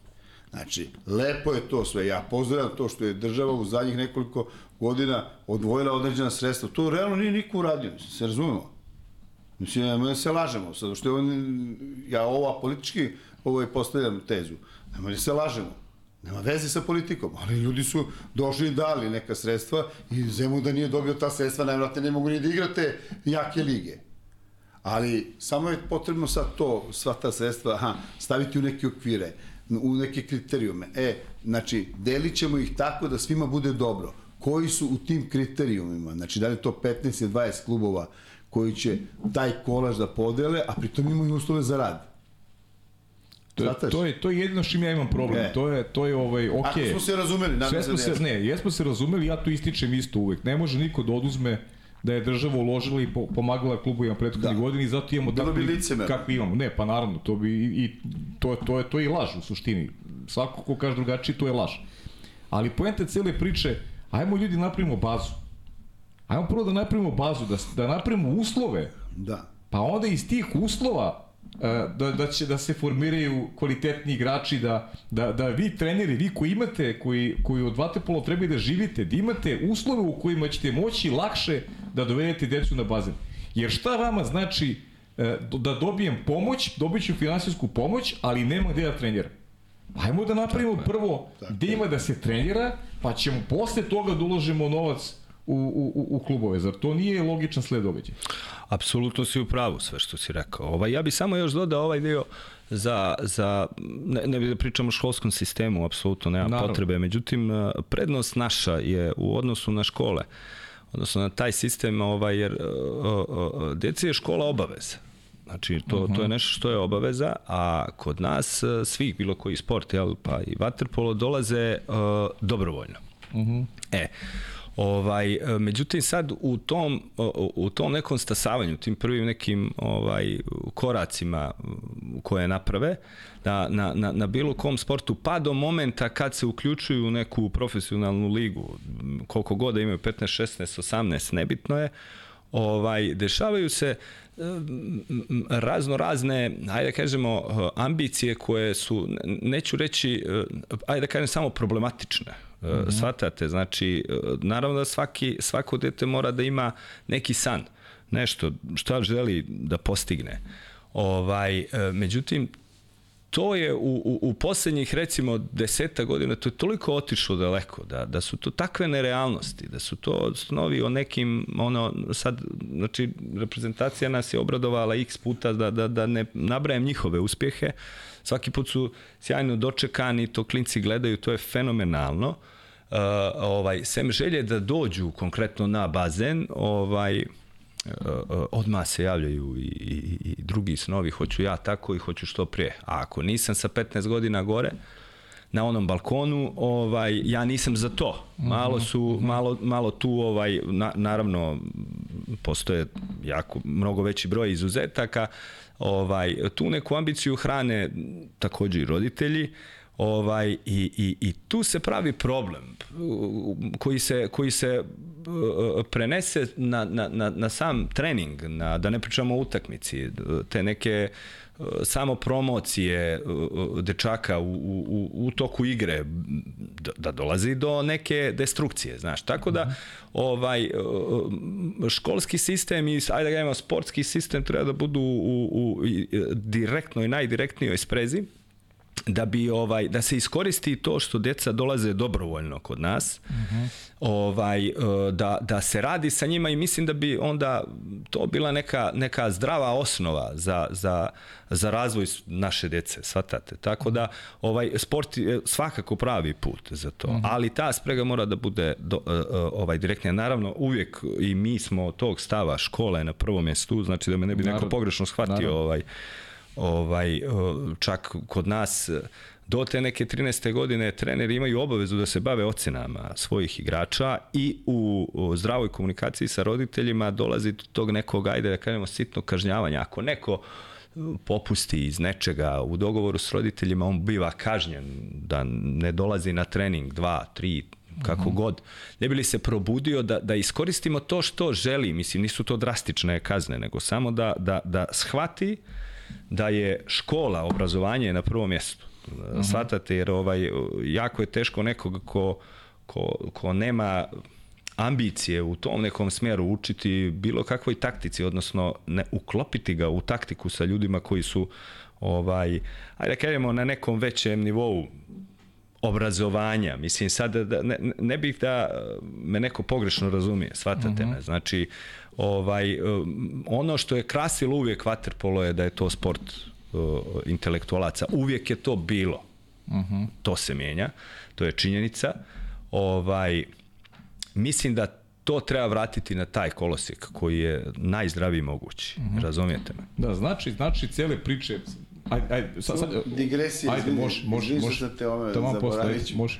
E, ja kad sam rekao sinergija e, e, ministarstva obrazovanja, govorim i o ministarstvu sporta. Evo ti jedna vrlo jednostavna stvar. Uh mhm. -huh. Ja kad sam išao u osnovnu školu, to se to je to je ni, samo na mikrofon molim Nismo mi dolazili e, dobrovoljno baš. Mi smo imali ja sam išao u osnovnu školu tu Stara Novak. Uh mhm. -huh. ovaj i mi smo imali naše profesore, profesor Jovan Popović i profesor Karozalija, mi smo svi sredom u 7 do 9 sati imali čas plivanja na bazenu Tašmajdan, gde direktor tog bazena, legendarni Slavko Njegovan, Njegovan, da. znači čovjek koji je uvek bio e, pravi domaćin i kao decu i kasnije kao sportiste. Znači mi smo tu imali, ta, to, to je sistemski rađeno, znači, dođi, znači si, imaš časove, država ti je dala i sad ti, koliko si sposoban, organizuješ uh, uh, pre, grupe, predgrupe uh, kvalitetne i ti iz neplivačko, poluplivačke i plivačke grupa ideš u, u napredne grupe. I to se kod nas tako Ko dođe u naprednu grupu ide u sekciju plivačku, koja je pored srede imala utorkom i četvrtkom od 6 do, do, do, do, do 7 e, e, posebno rad tih naprednih e, ovaj, za koga ko, koje projektuju, odnosno selektiraju profesori. I onda nas oni šalju u, u, u sportske klube. Da li ćeš ti u plivački, vaterpol, to je sad stvar izbora. A čak ti on tu da sugestiju. Znači, tu, tu, tu treba vratiti tu, tu simbiozu ministarstva prosvete i, i sporta. Znači, to, to treba da bude obaveza. Nego šta nego obaveza? I koliko god deca bilo u tom virtualnom uh, haosu i, i, i tim internet, uh, ovaj, da kažem, ovaj, uh, u tom internet svetu koji je imaginaran, imaginaran kad neko dođe na bazen, kad se skloni tog, tih glupih igrica i telefona, kad oseti realnost da se bavi nekim produktivnim radom, on će se i zainteresovati za sport. Ako ovako ti sa njega treba da moliš, pa da ga zamoliš, sine, ajde ti da se bavi sportom, to je već, još mogu to je već priča propala. Znači, zato kažemo, vratimo to na taj kolosek. To je opet, kažem, to je sistemsko rešenje po mom viđenju. Pa da, to je, to je još jedna, evo i ovaj čovjek za miksetom, i on je trener i koliko je važna uloga ovaj, svi smo mi nešto, nešto trenirali, manje ili sa više uspeha, ali seća se kao klinac, ovaj, e, treneri su imali nekad i veću ulogu od roditelja, zato što da. dete je buntovno i nekad ne želi da posluša roditelja, ali, ali trener u klubu mu je jako bitan, zato što njega hoće da posluša. Ja mnogo primera imam i iz mog okruženja gde, gde ovaj, moji drugari su za, zahvalni trenerima svoje dece koji su ih, ne znam, ovaj, stimulisali da čitaju knjige, ne znam, uradili da se u školi bolje ponašaju nego što su to i sami mogli. Tako da, ovo što pričate bojica, malo je emisija ušla sad i u taj neki edukativni, prosto i moment u kome živimo je takav, tako da to neko mora da prepozna, jer definitivno moramo da se okrenemo toj nekoj, nekoj bazi. Mislim da svakom detetu sport treba. A vaterpolo je prosto sport koji po, povrh svega je i uspešan, e, daje i rezultate, tako da e, tu deca trebaju im uslovi da bismo ih e, lakše priključili vaterpolu. Rekao si da su roditelji čak nekad, ili se susrećeš sa tim da, da, da, da ovaj, na trenizima da imaš ta neka očekivanja koja su ovaj, možda i prenaglašena. Ja se sećam, ono ranije pričali su ljudi iz Partizana da nekada nije bilo dozvoljeno roditeljima da uopšte budu na treninzima, da, da, je to, da je to prosto nemoguća misija, jednostavno zabranjeno, ne može. Pa ovaj, sve si lepo rekao, mislim, da, da, da ti sad kažem da se ne susrećemo, ovaj, to bi bila velika laž, ne ja, da, nego ne, ne postoji klub koji uh -huh. uh, uh, nema sporadične probleme, ajde da kažemo. Mi imamo jasan stav po tom pitanju, pa nemamo ovaj, da kažem, nemamo većih problema, taj dio u klubu ja radim, uh, ovaj, znači svaka informacija, roditelja je jako bitno držati informisanog, znači oni su ljudi naučili, bez obzira bio u sportu ili ne, ovaj, uh, oni ljudi hoće informacije o svom detetu, imaju, imaju negde percepciju života svog deteta uh mhm. -huh. i ovaj, uh, zaslužuju da imaju informaciju. Yes. Sada da ne bi ovaj ulazili u priču uh, sa trenerima te ekipe, ovaj, kod nas smo donijeli tu odluku da, da ovaj, sam ja taj koji komunicira ovaj sa njima sa manje ili više uspjeha, ali u svakom slučaju jednim ovaj normalnim tonom, da kažemo, nema bez obzira ako neko nije zadovoljan sa tim nekim svojim trenerom, ovaj slobodan je da ide, da promeni sredinu, da vidi kako je to. To, to, to su, da vam kažem, to su potpuno normalne stvari. Samo je mhm. bitno, i tu je taj neki tajming bitan, ovaj, uh, uh, uh, spomenuo sam vam tu neku, odnosno Pera je rekao, spomenuo je tu zemunsku magiju, jel? Ovaj, koliko je, koliko se dete e, koliko osjeća taj klub kao svoju drugu mm -hmm. kuću, ovaj e, često puta ima problem da se uklopi u neku ovaj drugu sredinu gde ode, iako je sve okej, okay, nije nikakav problem, ali je e, potpuno neka neka druga vrsta energije koja je ovaj koja je tu a opet smo ovaj potpuno otvoren sistem jako veliki broj igrača čak i koji igraju sad u prvom timu su nekada bili naša deca pa su otišli u drugi klub pokušali odnosno nadogradili se ne ne ne pokušali nego se nadogradili sa manje ili više uspjeha ili sa su ispunili svoja neka očekivanja ili nisu i vraćali su se vrlo rado Uvijek mm -hmm. čak i ti neki igrači koji su igrali kod nas, treniraju sa nama i dan danas, igraju u drugim klubovima jer im tako termin odgovara. Ja mislim da, da ovaj je to uh, najispravnije moguće. Da, da, da li razumijete? Bez obzira što on igra za konkurenciju, kakve veze ima? Ne razumijem. Ovaj, ta, ne, nešto da, da, da se da, krije. Ne. Pazite, ja mhm. opet ograđujem se, pričam o ovom nivou vaterpola. Sve ovo u, u, u ovom vrhunskom vaterpolu je mnogo, mnogo teže izvodljivo i mislim da oni moraju biti zatvoreni sistem. Jel? To je potpuno mm -hmm. drugi, drugi, drugi način bavljenja ovaj, ovim sportom. Tako da roditelji mogu da budu podrška, ali ovaj u praksi je nekad ovako, nekad onako, tako da ovaj ne treba dete opterećivati. Jeste, u pravu si da je od te neke ajde kažemo 12. 13. godine figura trenera ovaj bitnija nego figura oca u, ili majke u, u porodici pričam znači ograđujem se sad pričam o muškoj deci Ovaj, e sad, e, kao i u, u, u svakom sistemu, ovaj u životu i kod nas ima nas ovakvih i onakvih. Tako neko je, da. je ne, neko se postavi kako treba, a neko ne. Mislim, sam sam roditelj pa ovaj drugačije je to, potpuno drugačije. Znači ne možete moj stari sin se bavi vaterpolom, pa kad dođem da gledam, nisam siguran kako gledam. Da li gledam kao uh mhm. -huh. roditelj ili gledam kao neko ko zna. Uh mhm. -huh. Ovaj to su borbe u svima nama. Znači nije tim ljudima, mislim roditeljima, nije nije mhm. nije lako, ali samo znači ta ta percepcija života, ovaj treba pustiti decu da se igraju kad to vratimo, znači da se oni igraju, da kroz igru uče osnovne elemente. E, mislim da je takve igrače kasnije mnogo lakše naučiti ovaj i uklopiti u bilo koju ekipu, razumete? Mm -hmm. I mhm. tu iskoči, tu tu tu iskoče ekstra ekstra talenti opet da se ne bavim imenima, znate kakve aseve mi imamo. Mm. Ovaj, e sad, trenutna situacija, opet ne znate da li, da li će neko od te dece biti nekada Andrija Prelinović ili e, shvatate, daj Bože, daj Bože, mm. ali do, jako puno treba da se toga složi i sklopi da bi, da bi to bilo mm. tako. Miksa, ajde daj jedno video pitanje da razvijemo priču po da nas timu. Pozdrav Pajo, poštovanje i veliki pozdrav za tvoje današnje goste, šefa stručnog štaba Vaterpolo kluba Zemun, ovaj, Vukutu Vukutića i prvog i jedinog i doživotnog predsednika Vatrpolo kluba Zemun Petra Đukića. Drago mi je da sam ja bio taj koji je njima utroput do tvog studija i gostovanja u ovom prestižnom podcastu i imam za Vukutu tri pitanja, za Petra Đukića jedna. Za Vukutu prvo pitanje da mi on kroz njegov neki rezime dočara sada u javnosti, naravno dočara kako je on video to naše četvorogodišnje putovanje kada sam ja bio član Zemuna i da opiše ovaj, svoje dešavanje u klubu za te četiri godine.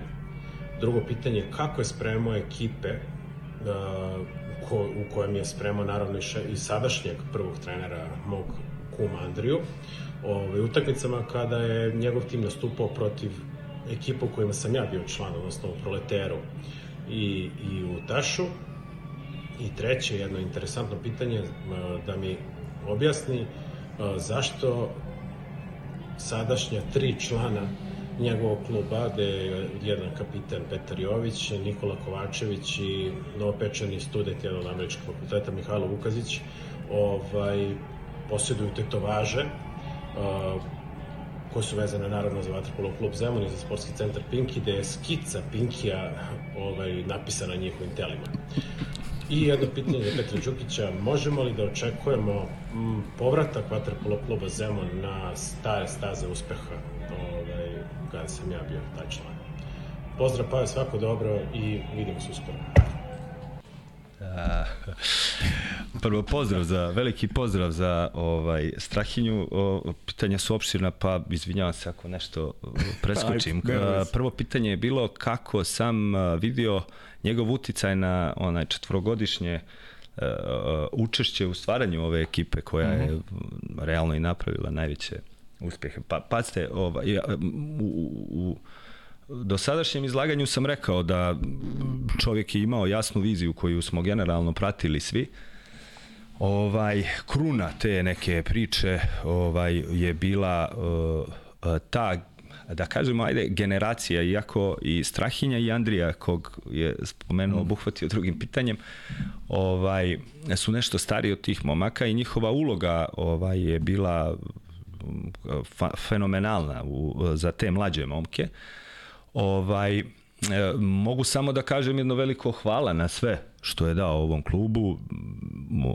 Zaista jedan nemirljiv doprinos što se tiče njegovih e, ovaj sposobnosti kao golmana, njegova karijera bolje priča nego, nego što bi ja sada ovaj njega hvalio. Uh, uh, učestvovati u, u, u stvaranju, u razgovorima, u, znači ta količina treninga koji ti ljudi su radili, to je, to je, to se u današnje vrijeme meri fanatizmom. Shvatite, mm -hmm. to je nekada bilo normalno da čovjek je, Strahinja je stomatolog, to vam je rekao, mm -hmm znači jako od skoro i, i, i, i otac, ovaj, sve to, kako bi vam rekao, vaterpolo ispadne kao neko oduzimanje vremena od realnih stvari u životu, a opet, konkretno on i Andrija, opet da ne zamiri neki igrač iz tog vremena, ovaj, su bili najredovniji u toj ekipi. Svatate, znači, Andriju Vasiljevića sam ja morao da na treningu pa ste kad ima toliko godina pliva kao da ima 18 godina. Znači, ti tražiš jedno, neki, neki intenzitet koji nije ovaj jak, on pliva zaista kao da se dokazuje, znaš. Tako da, ovaj, e, e, velika stvar je tu urađena sa tim momcima, u, njegov uticaj na, na celu priču je nemerljiv, zaista jako veliki i još jednom mu hvala na tome. To je što se tiče E, prvo pitanje. Drugo pitanje čini mi se bilo kako sam spremao ekipe Tako je, protiv njega. Protiv njega. Da. ovaj, e, pa pazite, praviti taktiku, praviti taktiku ovaj, e, koju vezujete samo za, za pojedinca jednog je izuzetna redkost. Mhm. -huh. Ovaj, mi smo protiv tog proletera imali jednu čudno čudnu da kažem, eto tako, utakmicu gde je ovaj utakmica je dobro pripremljena bila gde nisu bile apsolutno njegove ovaj greške, ne bih iznosio sada koje su to tada slabosti bile ekipe proletera koje smo mi napali i to je urodilo plodom gde smo imali neku visoku razliku koju su on, oni anulirali u drugom polovremenu i tu je neki go čini mi se u poslednjoj sekundi poslednjoj sekundi ušao i to jeste ljepota vaterpola s tim što smo mi bili na ovoj strani da, da, kojima nije, nije bilo lepo. Da, ne, ne, kojima nije bilo lepo. A kojima znači, nije bilo lepo. Mi smo aha. vodili, na primjer, karikiran 10-9, 10-10, nikako vam nije lepo kad u poslednjoj Aha, sekundi da, da, da, uđe gol, ok, ok, sve je to sport, sve je to sport. Ovaj, spremanje uh, mojih igrača protiv ovaj protiv Strahinje nije bilo potrebno protiv da kažem da, da, da ne zvučim grubo. Mhm. -huh. Ovaj oni ga jako dobro znaju. Pa ste četiri godine biti tu da, jako dobro znaju sve njegove prednosti i mane i uvijek se iznenadite. Nekada nekada vam mana postane prednost Konkretno bila je tu, ako se sjećam, ajde da izdvojim jednu stvar, da ne bude da mu nisam odgovorio, da odgovorim kao političar. Ovaj, um, stalno su neke parabole na treningu ovaj, mu šutirali, Međutim, ovaj, na toj utakmici ovaj, uh, ključne lopte nisu ušle u, u, u gol ovaj, baš zbog tih pokušaja parabole koje dosta dobro su šutirali, ali ih je on skidao. Znači, mm -hmm. i on je bio spreman i super bi bilo da mi odgovori on na kontra pitanje. da. ovaj, mada on je rekao kako se osjeća kako se osjećao ovaj, kad bi igrao protiv, protiv nas. Da, da. E, ovaj, To e, što se tiče Andrija Vasiljevića, ovaj jedan u, u, u, u nekom igračkom smislu veliki ratnik prije svega, jedan mm -hmm. borac Znači, momak uh, par excellence, visoko obrazovan čovjek uh, za svaki vid saradnje, tako da mm -hmm. kažemo. Ovaj, e, sad sam vam dao par njegovih karakteristika koje vam daju odgovor, odnosno Strahinji daju odgovor kako smo ga mi prepoznali. To naravno nisam ja, znači to mi svi zajednički radimo. Ovaj, uh, kao nekoga ko, ko uh, može puno da doprinese Vaterpolu klubu Zemun u uh, perspektivi, u budućnosti. Što se ispostavilo kao tačno na prvoj ovaj sezoni. On je pola sezone prošle, dok smo mi igrali u, u, u stvari celu sezonu, bio je kao trener, uh, dok smo igrali u Superligu, uh, vodio je, mislim, 17-godišnjake, pokazao zaista da, da smo bili u pravu, uh, od januara i bio je moj pomoćnik, od januara uh, smo polako izvlačili, odnosno polako je uh, preuzimao seniorsku ekipu od dva turnira regionalne lige on vodio gde se super snašao mm -hmm. i to smo rešili, to smo smatrali jednim dobrim rešenjem, što kažem, rezu, u stvari, rezultat govori da, da, je, da je on bio jako dobro rešenje za, kao izbor trenera.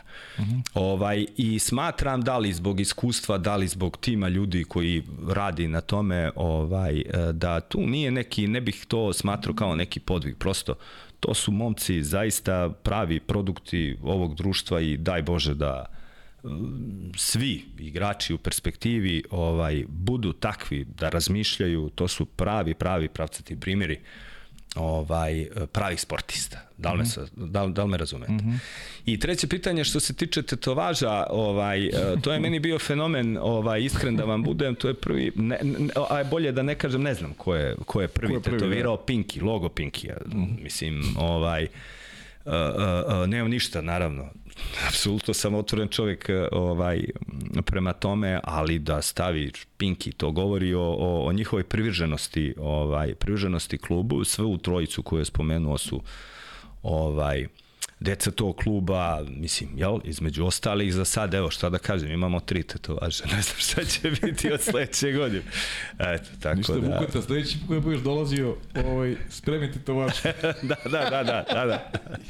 Pero, i ti si duži odgovor na pitanje. Pa, šta da kažem, mislim... E, Moraš samo bliže mikrofon. Dobro, dobro je pitanje postavi, ali e, da kažem, vremena koja su spomenuto u razvoju kluba, znači ta mhm. neki vremenska distanca od 30 kusur godina, evo 31 godina, mi smo prošli ono od nekog uspona do totalnog gašenja ono kad, uh mhm. -huh. kad, kad više nema ni bazena nema ni vode u njemu nema ni, ni mazuta nema ničega i onda, i onda se sećam e, pokojnog e, novinara e, RTS-a Đole Talašete, koji je jedan divan čovjek bio, ovaj, i on je tu hteo da nam pomogne i kaže, ajde Petre, sad idemo kod Marka Markovića, na gostovat ćeš u ovom, kako se zove njega čuvena emisija? Indirekt. Indirekt. I onda, I onda mi u Indirektu pričamo o problemima jednog kluba koji je, ne znam, ušao u drugu ligu i si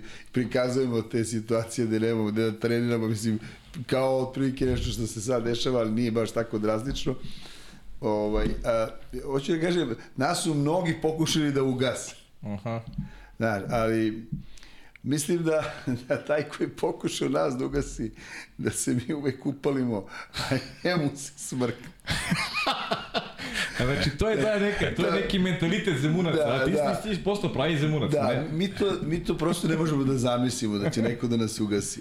Znači, kad prošli smo kroz pakao, Znači, ja se sećam nekih situacija, to je, to je sad prosto kao u filmovima, nemamo, nemamo dva bureta hlora od 50 litara da 92. je bila, treća godina. Znači, kako ti u ono vreme sankcije da nađeš 100 litara hlora, bre, nema, nema, nema hleba, bre, onim, onim, nema, nema ničega. Bre. I mi zbunarimo od jednog tog privatnika iz Ugrinočka, zaboravio se mu ime, kako se čovjek zove, transportom se je bavio, kako sam ja došao do njega, ja više nemam pojma, ja sam se svim tim stvarima bavio u klubu. Ovaj, I on čovek, ta kamion ispred Pinkija, četiri bureta, evo, donaciju, tu ti kod da ti je dono četiri, 200 litara nafte, mislim, što je ono vreme koštalo, sad čuje Bože. I tako da uvek su se tu ne pojavljivali neki, neki ljudi, anđeli, razumeš, koji... Da, da, da. koji Prijatelji kluba. Da, da, ka, e, čekajte ljudi, nećemo vam dozvoliti. E, ali sad, me, sad, sad, sad moramo da, e, to, toliko smo toga prošli, znači, ovaj, mi moramo da idemo dalje, mi moramo da nastavimo dalje, da se razvijamo, znači nama treba bazen. Uh -huh. I mi sa tom našom nekom molitvom i magijom, e, evo, današnji dan, je, možda nije ni slučajno Sveti Vasilij Ostoški. Znači, jedan, mislim, najveći srpski svetac.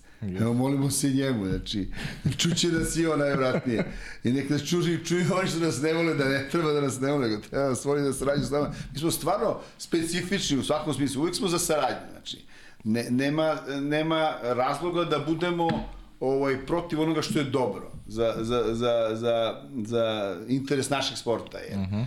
Koliko god da je on, kako neki kažu, mali, Waterpolo je e, jedan ozbiljan gladijatorski sport, znači e, jeste futbal ili košarka za mega sportovi. Uđi ti, uđi ti u bazen, pa se davi tamo s nekim tri minuta. Ja ću da odigram jednu četvrtinu Pero, u, u košarci. da je vaterpolo sport u kojem smo mi najbolji. Da, ne, ne, a baš kad to. Ali gladijatorski sport, znači, daj tim ljudima uslove, znači, kad hoće da budu gladijatori, srpski, da ne kažem vitezovi, daj im uslove da rade. Onda. Daj im uslove da rade. Mi, mi, sad, mi sad imamo ovde pomamu ovaj, uvoze igrača odavde, odande. Ja mislim da, da smo mi jedini koji, mislim da kažem, nismo na tom nivou, ali bit ćemo, nadam se. Ovaj dan će nam pomoći ovaj veliki sveti dan i, o, o, i ovo što smo tu s ovo danas, ništa to nije slučajno. Tako je. Ovo, ništa to slučajno nije. Ovaj, uh, hoću da kažem, mi moramo da se sad, da se, da se fokusiramo na, na uslove. Da bi išli dalje. A, a, a, ja, ja sam siguran, ja sam siguran, znači, kada bi Zemun imao svoje prave uslove, što kažeš, da imaš svoj bazen, pa ne mora to da bude neka, da, da bude, na primjer, hiljadu i pogledalaca samo. 33 puta 25 bazen koji nije mnogo zahteva, kažem, ja kao bivši direktor sportskog centra, znam koji su to troškovi, ali ako se to sve kao ako se to sve racionalno radi, raspoređuje, sve to može da funkcioniše da donose određeni prihod, razumeš? Ovaj, mi bi bili čudo. Mi, mi, mi ne bi znali šta ćemo od dece. Mi ne bi znali šta ćemo od dece. Evo ti sad o, pitanje objekta, o, to sam malo preteo da kažem. Ajde. Znači, onog momenta kada, kada se otvorio 11. april i kada su tamo napravili taj klub, e, Novi Beograd, znači, Mi smo u, u, u, u, u mislim, svaka čast ti ljudima što oni rade i neka rade, mislim, to je njihova želja koju mi što žele, neka, neka, neka rade, imaju svoj uh, stil, način rada. To niko ne može šta da im zameri, jedino što najvratnije bi svi želi da imamo te uslove i da na takav način eksploatišemo jedan objekat. Ali ovaj, nama je odjedno počeo, znači, odmah roditelji, aha, šta ovde mali bazen, ovo, t, o, nov bazen, topla voda, 50 metarski, pa ma, tamo jedan drugi 25 metarski, pa mali. Šta ćemo mi ovde? Znači, mi, mi, mi, mi sad trpimo jednu, da kažem, nelojalnu konkurenciju koju niko nije kriv za to, okolnost je takav, ali mi moramo da se iščupamo iz toga. Mi moramo da rađemo neku formulu da se iz toga iščupamo, da, da i mi možemo da budemo ti koji ćemo da diktiramo. Da kažemo, e, čekajte, Pa neće ni jedan zemunac da ode na Novi Beograd ako tamo napraviš neki bazen od, od 25 puta 33 vaterpolski, da će i plivanje moći da trenira i sinhrono i, i vaterpol i tako dalje. E, to je sad neki naš, da kažem. A znači, biće, mnogo bi onda Pinke bilo istetovirano. Kažem, da, da, da, da. A to je fenomen, stvarno. To je, da. to je fenomen. Ti nema, nama dolazi taj dečko Vukazić, to je jedan vrhunski, on je bio reprezentativac omladinski. On, on dolazi dečko iz Amerike i bude tu sedam dana i namesti se da možda igra jednu utakmicu i on se skida i igra za zemlju. Kad je njega ovaj Uroš Stefanović pitao, ovaj, kako se zove, kad ćeš ti da dođeš, kad ćeš ti da dođeš u radnički, ja rekao, kad budem postavio Zemun da bude prvak Evrope, onda ću da razmislim. e, ti da bi završio. Taj deo, ovaj deo izlaganja. A či... Svaka mu čast. A kaži mi prvo... Pravi zemunac. Ajde sad, kaži mi, ovaj, pošto je to sad naslanja se, naslanja se priča. Kako se finansirate? Je to pomoć države ili, ili ima tu neki prijatelji koji pomažu? Da. Kako, kako, Kako, pravo rekao si, rekao si da, da, da Zemun niko, nikome nije ostao dužan. Pa ajde, kaži mi kako uspevate ovaj, da, da, ovaj, da, da, da, da skupite to što obećate ljudima da, Da. da ćete dati. Pa evo, gledaj, mi, mi mislim, Opet moram ti kažem, moraš bliže mikrofon. E, Znači, ono što daje država, to je ono, rekao sam konkretno vezano za termine i to hvala i to mm -hmm. bez toga ne možeš funkcionišemo normalno. To svi mogu da stave ključ u bravu kad toga Ok. ne bi bilo. Ovaj, onda se dešava situacija da da, da, da, dobro ima taj neki resurs koji se odnosi na članine, međutim to je nama sad u tom smislu ovaj, toliko smanjeno, ti kad se sa 120 spustiš na 60, 70, to je sve pokrive nekih osnovnih troškova, platiš trenere i tako da je. Ovaj. E, onda imamo situaciju da se tu pojave prijatelji kluba, sad moram da, da istaknem ovde ovaj, pardon, Daj, daj, samo lagano.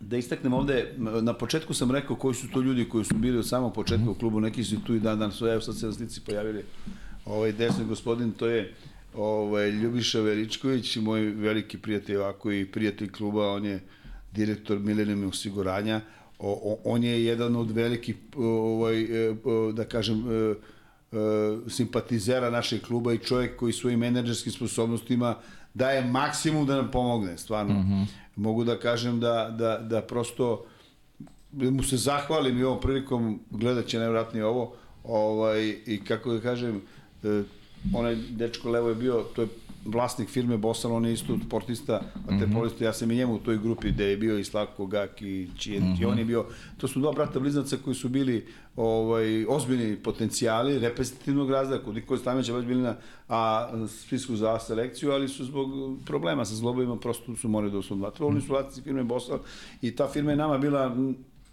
Jeste to bilo skromno, ali je hvala i na tome, ovaj bila neku niz godina eh, da kažem genijalni sponzor za o, o, neka sredstva koje su oni davali, ovaj hvala i pojavljaju se tu uvek neki ljudi koji hoće nešto da daju, da pomognu, da doniraju, ali generalno o, opet se vraćamo na ono što kažem, moramo sistemski da rešimo to finansiranje. Je sve to negde što kaže, što kaže e, e, sve su to izvori koji su nesigurni. Mm -hmm. I čak i, i znaš, da ti odakle znaš da li će taj privrednik sutra biti u situaciji da ti pomogne. Znaš, država sad, pa kad ti ne znaš, ti nemaš sigurno i definisano ni od države da će država da ti pomogne. Jasno. Oni daju, ali čekaju tamo, ne, za 31. decembar, a ti trebaš da počinju ti prvenstvo u oktobru, ti trebaš u septembru već zaključiš ugovore sa igračima.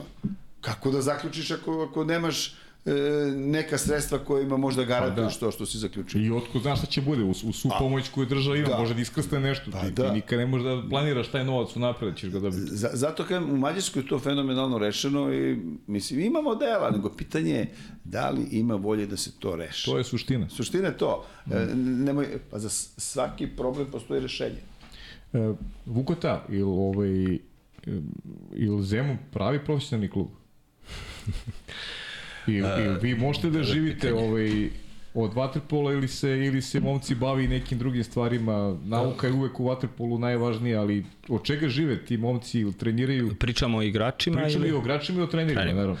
Pa pazite ovako, sad u ovom delu, pa ću ti odgovoriti na pitanje, ovaj, sad gledam ove, ove Fotografije. fotografije, ovaj, nikako mi se nije u dosadašnjem toku razgovora namjestilo da spomenem uh -huh. ovaj, ključ uh, te Zemunove vaterpolo škole, da vam kažem, uh -huh. znači sva snaga ovaj, koju Zemun ima, svi rezultati ovaj koji su postiza, postignuti do sada ovaj uh, uh, apsolutno zaslužuje da bude spomenut jedan od uh, tih ljudi ako nemerljivo je to što moje kolege daju za ovaj klub uh -huh. ovaj ali spomenuo Boj, Bojana Ivanovića Uh -huh. ovaj koji je čovjek koji uh, dvije godine duže od mene ovaj Izvini, postoji imao si jedno pitanje, sad bori se od kog nekom je baš uh, pitanje šta misliš o Bojanu Ivanoviću. O, baš e, e pa ovaj ok, mogu i sada da odgovorim. Ovaj znate šta, ovaj znate šta znači potporni stub ono, da vam kažem na primjer bez Bojana sve ovo mislim ne bi bilo to. To je glavni generator uh, uh, rada u našem klubu, da vam kažem. Znači, uh, prvi, uh, prvi uh, sistem uh, selekcije, prvi, prvi moment selekcije prolazi kroz njega, izuzetno sistematičan čovjek, prije svega iskus, iskusan, preiskusan. Slici, videli smo ga na slici sada. Da, da, zato sam ovaj, na, naravno da bi, svakako bi ga ja spomenuo, međutim do sad nas nije, nije razgovor ovaj, uh mhm. -huh. vuko na tu stranu, ovaj, ali zaista je on, on je taj koji, je, koji zna da prepozna, koji zna da upozori gde škripimo i ovaj ti sastanci odnosno kad se radi o nekoj strategiji razvoja ovaj generalno sada tu budemo nas trojica znači Pera skupi mene i i i Bojana, Bojana ovaj i, i, i, i tu se ključne odluke donose koje su vezane za razvoj dalje kluba, šta ćemo, mm -hmm. kako ćemo i to ne pričamo o periodu od mesec, dva, to se uvijek ovaj radi na godinu plus, godinu i više, koliko opet nam ti uslovi dozvoljavaju. Mm -hmm. Ovaj, e sad, uh, uh, vezano za pitanje, možeš da ponoviš, molim te, morao sam za Bokija da, da kažem to. Pa pitao se te vezano za, za profesionalizam, znaš, e, čega, gledaj, čega, gledaj sad, čega, čega živite? Prostor, kako? znaš kako, ovaj, ja sam diplomirani pomorski inženjer po uh mhm. -huh. lokaciji, znači ovaj, radio sam u neku ruku u struci do 2012. godine ovaj kada sam potpuno prešao profesionalno da, da, da se bavim waterpolom u dogovoru sa, sa Perom uh mhm. -huh. ovaj gde sam našao neki svoj interes ovaj i, i, i imao neku viziju svog uh mhm. -huh. života da budem profesionalno u tome. Malo je tu ovaj malo to zvuči za ljude koji slušaju a, a u waterpolu su u waterpolu su zvuči hazarderski onako međutim ovaj kako bi rekao isplatilo se i ok u mom slučaju biti profesionalac ono čemu mi težimo je da napravimo takav sistem da nas više bude profesionalaca. Pričam sad o struci samo, razumijete? Mm -hmm. Svaki uh, moj kolega, svaki naš trener je ovaj stalno zaposlen u nekom nekoj svojoj branši. Uh, sve teže uklapaju uh, obaveze ovaj uh, tako da to jeste uh, u perspektivi uh, vidim kao moguć problem koji moramo da uh, moramo da rešavamo, a što mm -hmm. se igrača tiče, u principu smo mi klub, to smo već pričali, mm -hmm. koji, koji ne ne želi, ne mogu reći da ne želi, imali smo mi profesionalaca, znači koji su plaćeni nešto više od ostalih, ali ovaj toliko ja konkretno dam sebi za pravo da u komunikaciji sa tim igračem, jer su to negde sve moja deca koja su prošla kroz moje ruke od desete godine pa nadalje, pa dajem sebi za pravo da kažem da ne može da se miri sa tim, da živi samo od toga, mora da se obrazuje, mora da nađe neku varijantu da taj vaterpolo u, u, u okviru naše kluba u, u ovom trenutku bude, ajde da kažemo, dobro plaćen hobi. Mm -hmm. Svataš? Eto, znači, to, to, znači, bukvalno prema, prema mogućnostima. Tako da ja, mislim, ne mislim, nego znam, uh, da o, u ovoj ekipi koja je bila ove prošle godine ne, ne postoji ni jedan o, koji radi samo to. Mhm. Mm Svataš, znači o, svi oni rade nešto, waterpolo je ovaj uz to. Mhm. Mm jasno. Miksa, možemo drugo video pitanje? Pozdrav svima, evo mene drugu nedelju za redom da unese malo ozbiljnosti u ovaj podcast. A, želim da pozdravim goste, predsednika i konsiljera. A, takođe da se zahvalim pa i na davanju prostora klubu. A moje pitanje je za konsiljera Vukotu da nam kaže u kratkim crtama najteži njegov trenutak u klubu i takođe i najlepši odmah zatim. To je to, pozdrav svima. Pozdrav svima, evo mene drugo naj, naj uh, teži i najlepši. Sa konsiljere. Sa konsiljere, da, da, da, da, da, da. Ovaj, uh, pa, zateko me iskreno sa pitanjem. Najteži uh trenutak bi, uh, bi možda izabrao uh, mm, mm, mm, mm. ne mogu, ne mogu da se, ajde, odgovorit ću mu na ovaj dio ako mi sine, a, sine, a, a naj, najljepši definitivno je trenutak ulazak u Superligu iz prve A lige. Mm -hmm. to je ovaj moment kompletna priča je bila mislim bila je kruna nekog pa, šta je šta je kuriozitet uh, uh, overili smo ulazak u Superligu na Taš Majdanu na utakmici protiv Taš, gde smo sada izgubili i gde je Taš, na čemu im čestitam i to nisam stigao, ovaj, ovaj, gde je sad Taš nas pobjedio i overio ulazak u, u, da, da. u, u Superligu. E sad ne sjećam se tada da li je ko, ko nam je bio konkurent za ulazak. Mislim da je stari grad.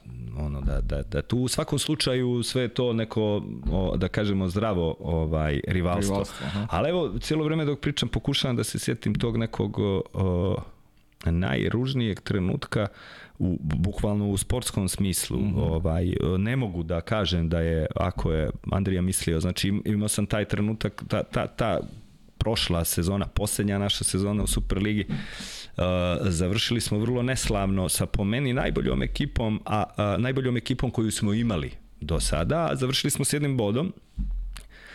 Uh, toliko je bila sezona teška da uh, mislim da samo ispadanje mi je bila radost, donilo je radost koliko je mučna cela sezona bila. Pa ako bi se mogao za nešto opredeliti, onda nek to bude period, odnosno Aha, ta sezona. Može, može. Znači, e, količina treninga, odnos e, prema treningu, prema radu, e, i opet i u tim trenucima kada nisu trenirali, kada, kada ovaj nisu bili redovni i mi sve to hendlovali, prihvatali, opet kad dođe utakmica tražili su od sebe mm -hmm. nemoguće. Znači, ginuli su, međutim, bilo, bilo je nedovoljno, apsolutno nedovoljno za, za, za to, tako da eto, nek ovo bude, mm -hmm. uh, nek bude odgovor ovaj, na, na, na, na to pitanje. Eto. Ja bih pitao Peru, ovaj, ili imaš ti, Pero, najteži ovaj, i najlepši moment? Ti, ovaj, ajde, možemo da se vratimo na te Peru da snimimo. Mada si rekao da su os nogi gasili i svašta je bilo.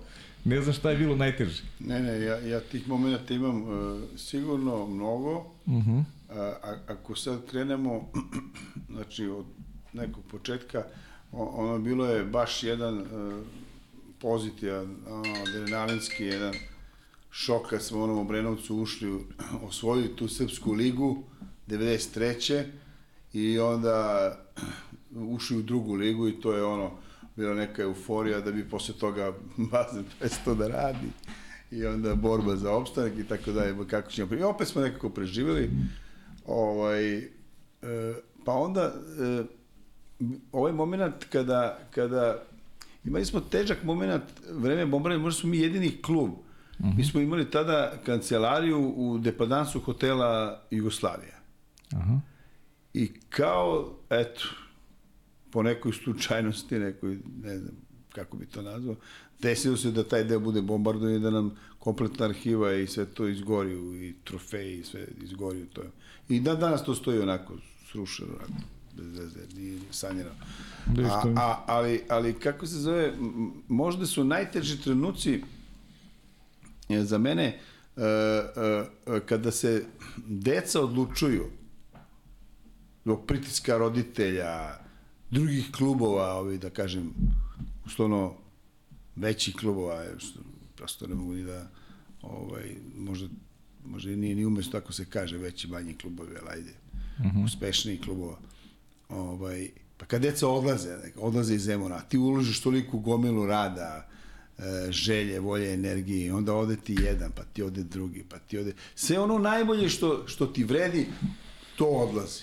Uh mhm. -huh. I onda sad, to, to se dešavalo sporadično, da odlazi su jedan po jedan, dva, tri, a onda smo odjednom, ako se ti sećaš 2000 12. ono kad je kompletna generacija prešla, ne znam koje godište to bilo. 2005. 2005. Ne, ili, ili, ili pre toga ne. još. Pre, kad smo prešli 11. april. A, da, uh, dve, uh, 99. Da. 99. Komplet je prešlo u, u, u, u, u Crvenu zvezdu. Mm -hmm. Mi gubimo generaciju, mislim. Znaš, ko te rekao bezglavio je.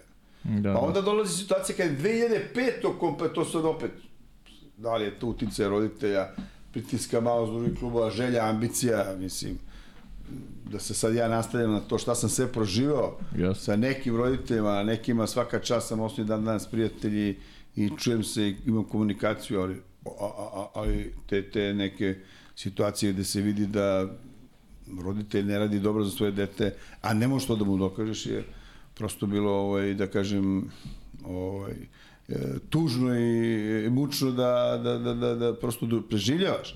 Mm. I onda ode još jedna cela generacija. Pa onda nam ode sad 2007. generacija isto. Znači, Znači, ti to trebaš da držiš, znaš, što ti kao kad si u borbenom stroju, oni ti srežu prvi vod, pa drugi vod, pa onda četu i ti sad kao treba da preživiš, razumeš? Da, da, da. Ali bukvalno je tako, razumeš? I onda, i onda sad, e, to, to se prenosi na seniorski tim. Mi smo imali jednu intenciju kad smo ušli u, u, u, u, u prvu A ligu, pre x godina, kada je to, pre 7 godina, možda ranije, 6. I sad smo mi htjeli da sve te neke naše igrače koji su igrali u Zvezdi, ovamo ili da sve neki, neki po Italiji i tako dalje, ovaj, da ih vratimo u Zemun i da, znaš, da ih nekako uhedlujemo u, u, u, u tim da napravimo prodor ka Superligi. I uspeli smo u tome.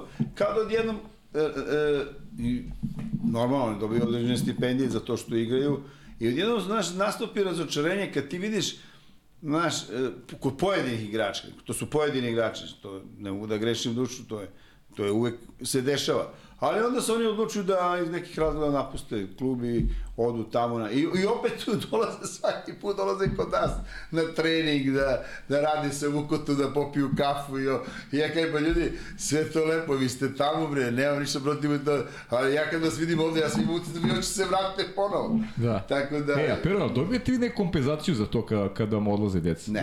ne. Nikakvu kompenzaciju Novi ne zakon dobijete. o sportu to definisao tako da posle, do 14. godine ja mislim da do 14. godine dete može odmah da ode iz kluba. Uh -huh. kao, Do 14. može da ode odmah iz kluba. Da, da, a ranije je to bilo regulisano, znaš. Čak uh -huh. smo se mi kao klub borili to da postoji neki pravilnik po kome svaka godina nose određeni broj bodova, bod je bio pola evra i sad ti mu napišeš koliko to košta i normalno, neko ko je tu 7 godina kad mu neku cifru ispališ da boli glava i tebe i njega, znaš da to nemaš platiti, onda se tu nađe neka sitna ovaj, sredstva koje su tu uplatica, što se ispoštuje neka f, pravna norma, znaš. Uh -huh. da se, Pa do, to je pošteno da, da. negde. Ako I negde je bilo mnogo pošteno nego sad. Ti sad kao radiš, čekaj, znači, znaš, onda tebi tvoj radnik ne valorizuje, razumeš, ti radiš i on u 14 godina napriš, on trener 5 godina kod tebe i ti jednostavno pustiš čoveka, dete, uh -huh.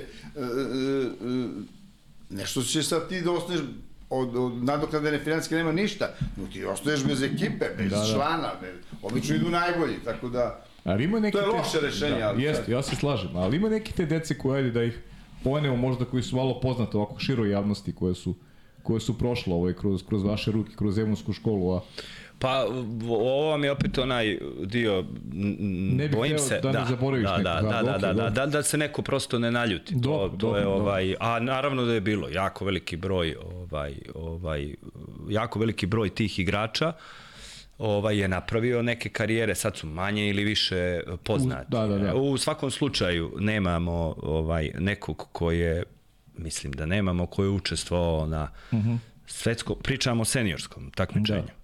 Uh, svetsko prvenstvo, evropsko, To nema, olimpijske da, da. igre. To, To nema, nema, to je da. to bi to bi bila neka želja, ajde da da, kažem. da, da se zaokruži ne. Da, imamo Popovića koji je bio i na e, prvak Evrope sa reprezentacijom, oni kod nas igraju dugo godina, mislim. Pa igraju u Partizanu, pa je i u Radničku, pa onda imamo Miškovića koji je bio vrhunski talent, na primjer, to je dečko koji je ala Igor Milanović, te neke motorike, mislim. To je čudo od, od, od igrača, nego prosto je, znaš, otišao zajedno sa Popom je otišao u Partizan, i, i tamo, ne znam šta se tu što nisu neki zajednički iznašli, ovaj, on je za repstaciju igrao, ja mislim, juniorsku i onda sa, je jedan... o kom Popoviću pričamo? O Borisu. O Borisu, aha, Boris Popović, da. Da, Boris Popović. Boris Popović. Da. Ovaj, e, i- onda je on otišao u Italiju da igra i igraju u Romi x godine i tamo je tu, Romu je uveo iz te neke u, u njihovu prvu ligu i, i, i vratio se te godine kad su igrali Super ligu, međutim povreda leđa, ovo ono malo si olenje i onda prosto prestao da radi. Ali to je bio jedan vrhunski talent. Mislim, imao sad ovog malog Bukazića koji je dečko isto ju- juniorski reprezentativac bio, koji ja mislim tamo sad u Americi čudo do deteta, mislim.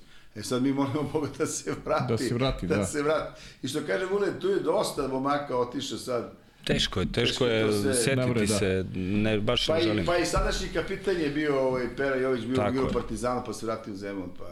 Mhm. Svi su oni nekako, znaš, Mm. kad vide tamo šta je, kad, e, da, i- ipak ta neka atmosfera uvek e, je potreba da se vrati. Mm. Normalno kod onih koji hoće da nastave da se bave vaterpolom.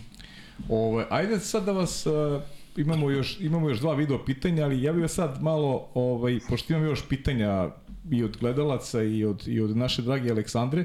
Ja bih vas malo i jednog i drugog da me, da malo posjetite javnost širu uh, ka otkud vi uopšte u vaterpolu, ovaj Mhm.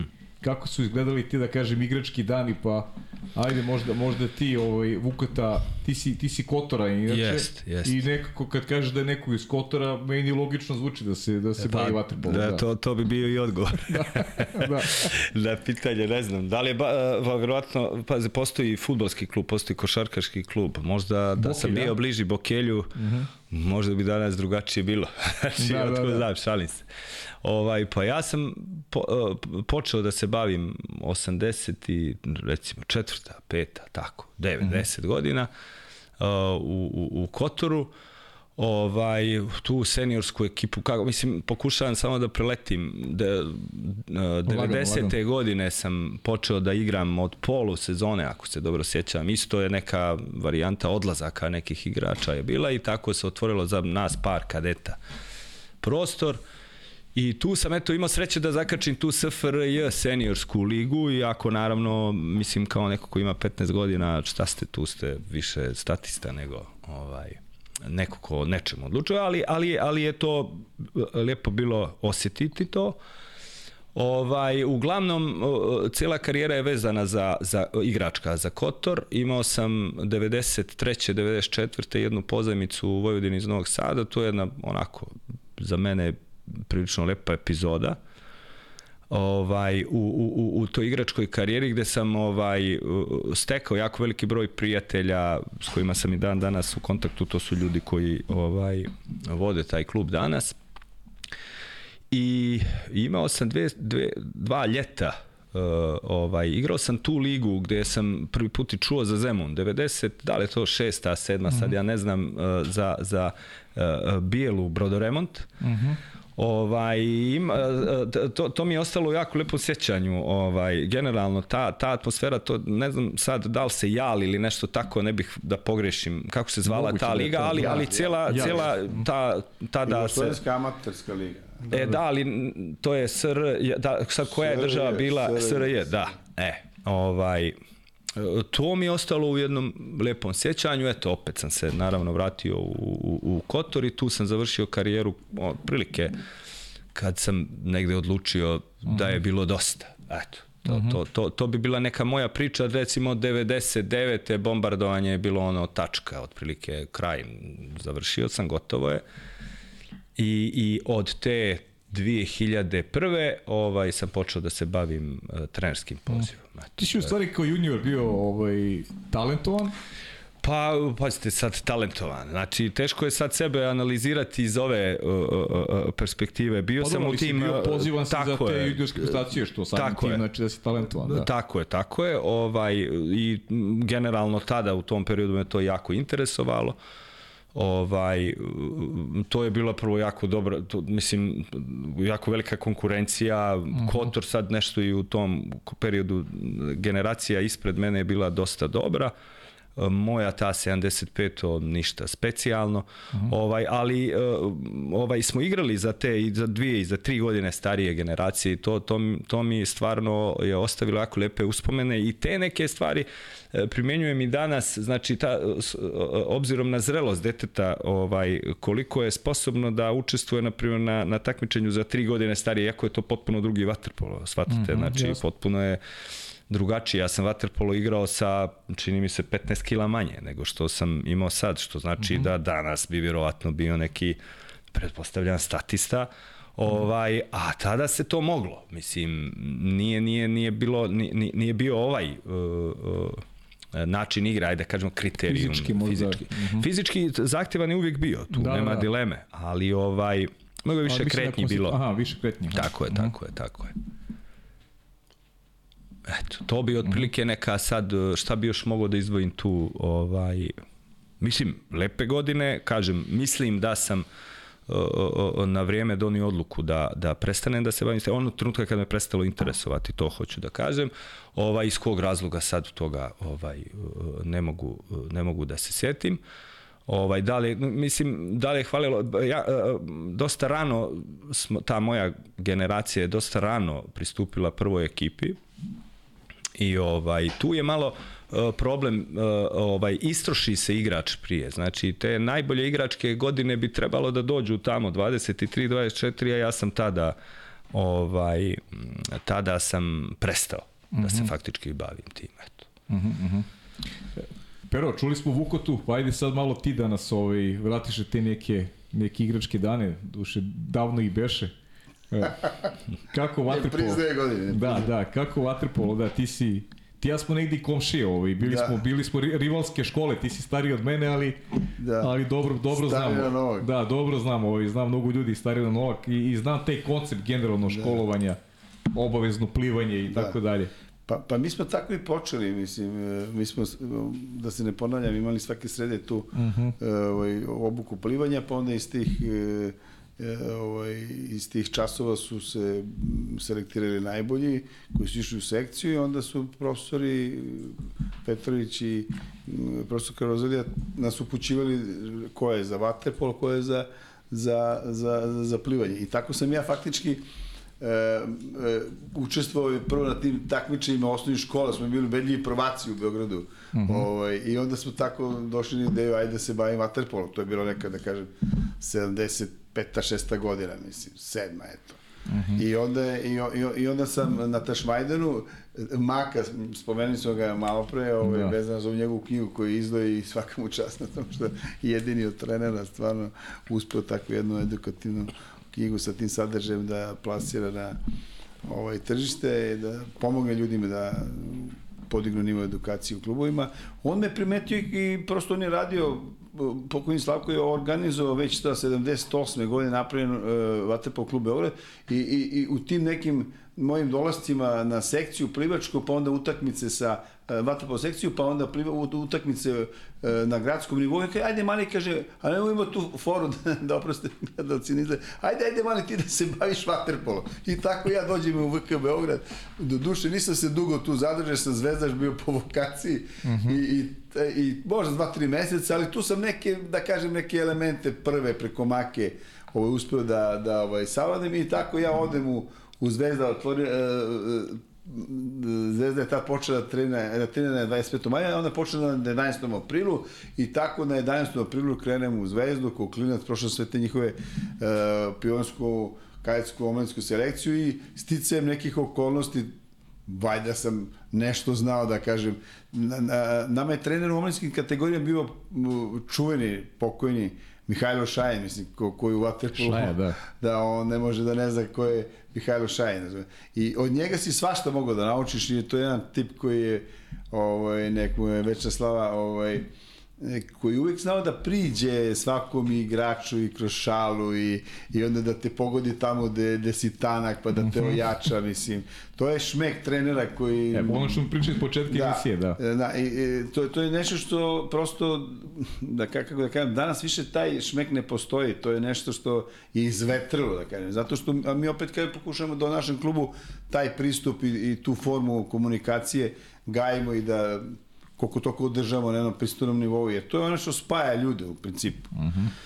I, I tako smo mi ovaj, neke, da kažemo, 81. druge godine za trener prvog tima, e, e, trener prvog tima bio je e, Bora Ristić, I on je mene i par tako naki, naših, mojih kolega godišnjaka, nas trojice, mislim, tu sam bio ja, Golman Đurić, Ljuba Đurić i Braca Perisić, Perisić, on je došao iz Partizana, Perišić i Đorđević Aca Đovani isto došli iz Partizana. Faktički sam ja, ja, ja sam bio jedino zvezdino dete, da kažem. I Ljuba Đurić je došao negde iz Beograda, ali on nije, ja sam prošao kroz Beograd, ono, mesec, dva dana, a on je, boga mi, bio tamo dve, tri godine.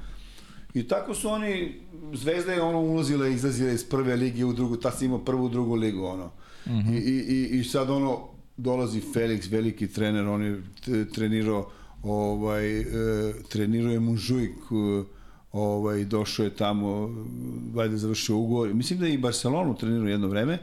Ovaj, e, I sad dolazi Felix, to je, ne znam koliko bliže javno zna, ovaj, to je jedan, jedan od, od, od, od vrhunskih igrača iz plejade Partizanovih igračniča Korčulanin, koji je došao s Korčule, pojačao Partizan, 64. 5. godine, on je bio član tih ekipa, dve, tri titule prvaka osvojio, bio reprezentativac i tako dalje.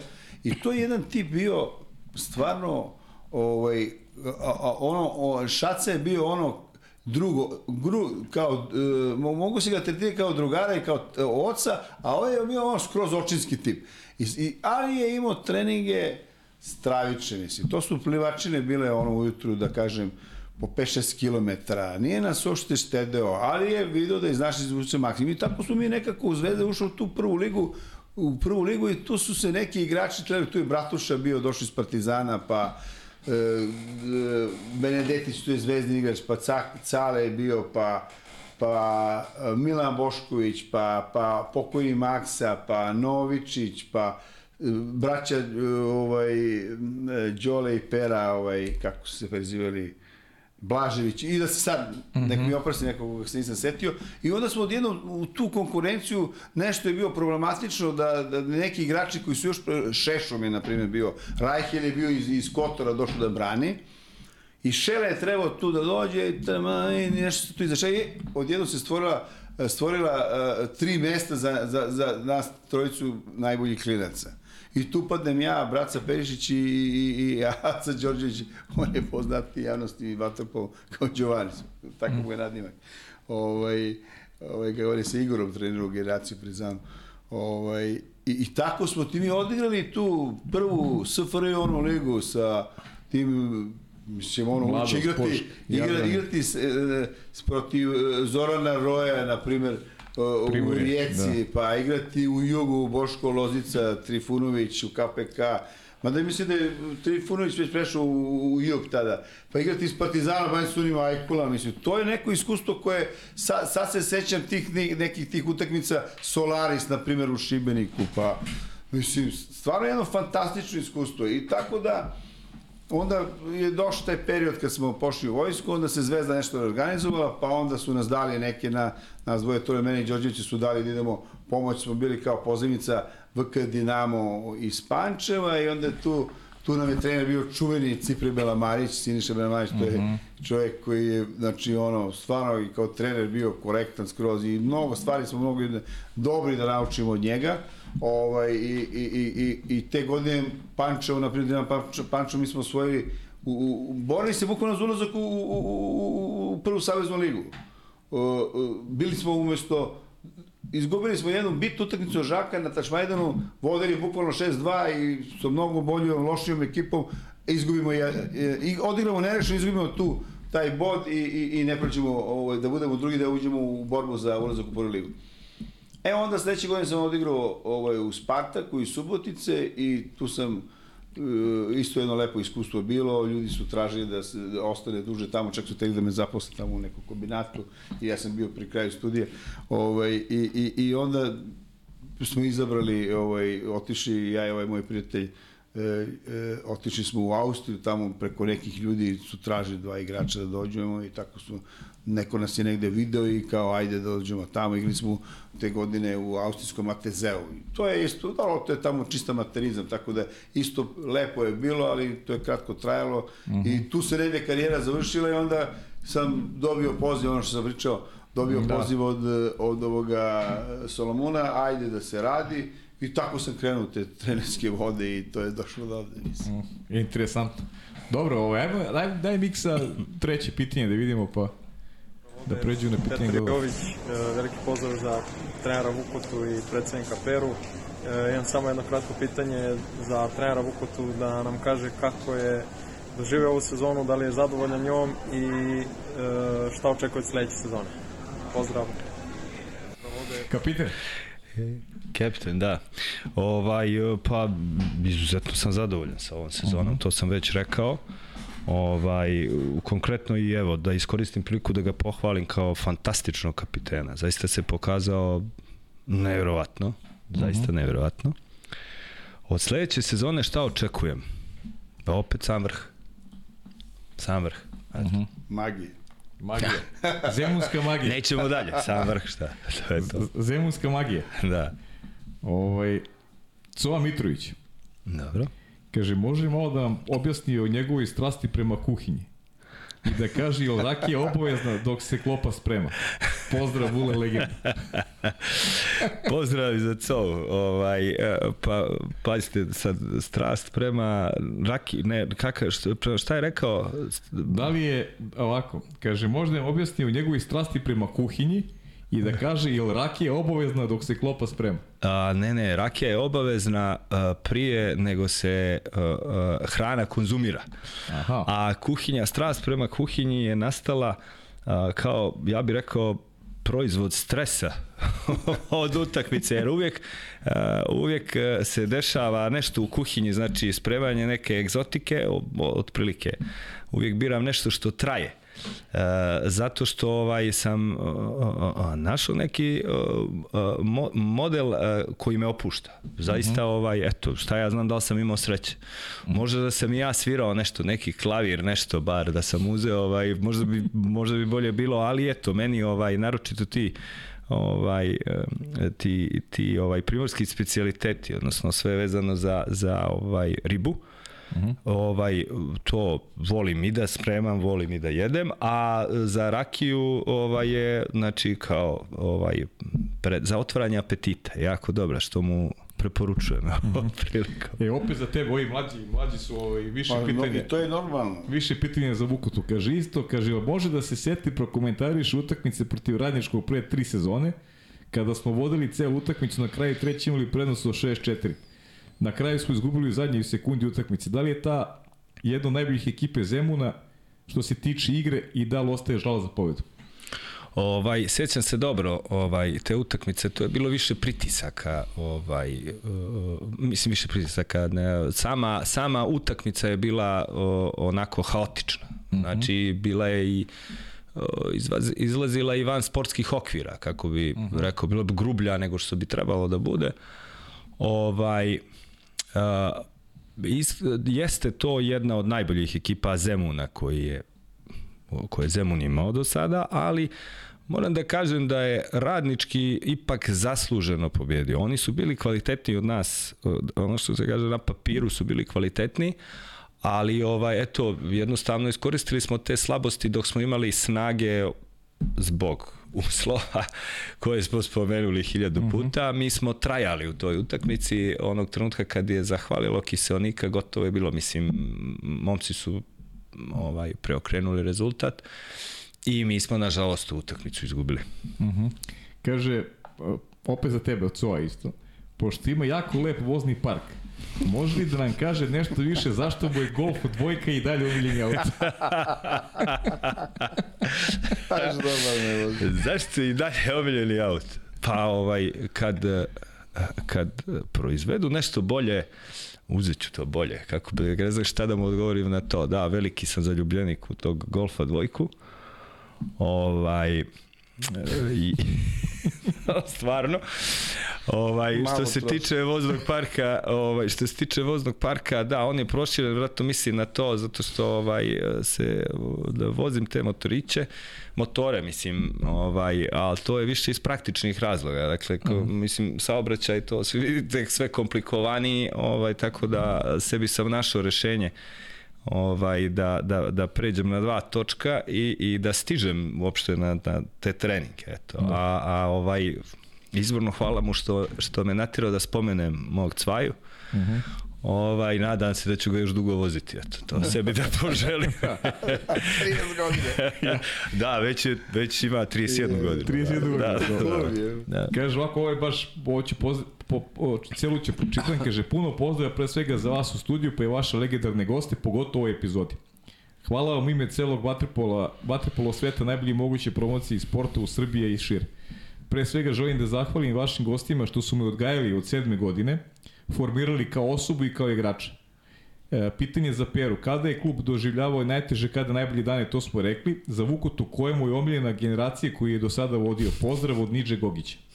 Da, da, da. Čuveni Niđa legenda. Znači, ovaj, ovaj, mnogo lepo, stvarno. Da, da, da, da, da, da, da, da, ovaj, pa to je jedan naš, ajde da kažemo, ovaj veći o, legenda, da kažemo, ovaj kluba i on je imao priliku da bude i kapiten.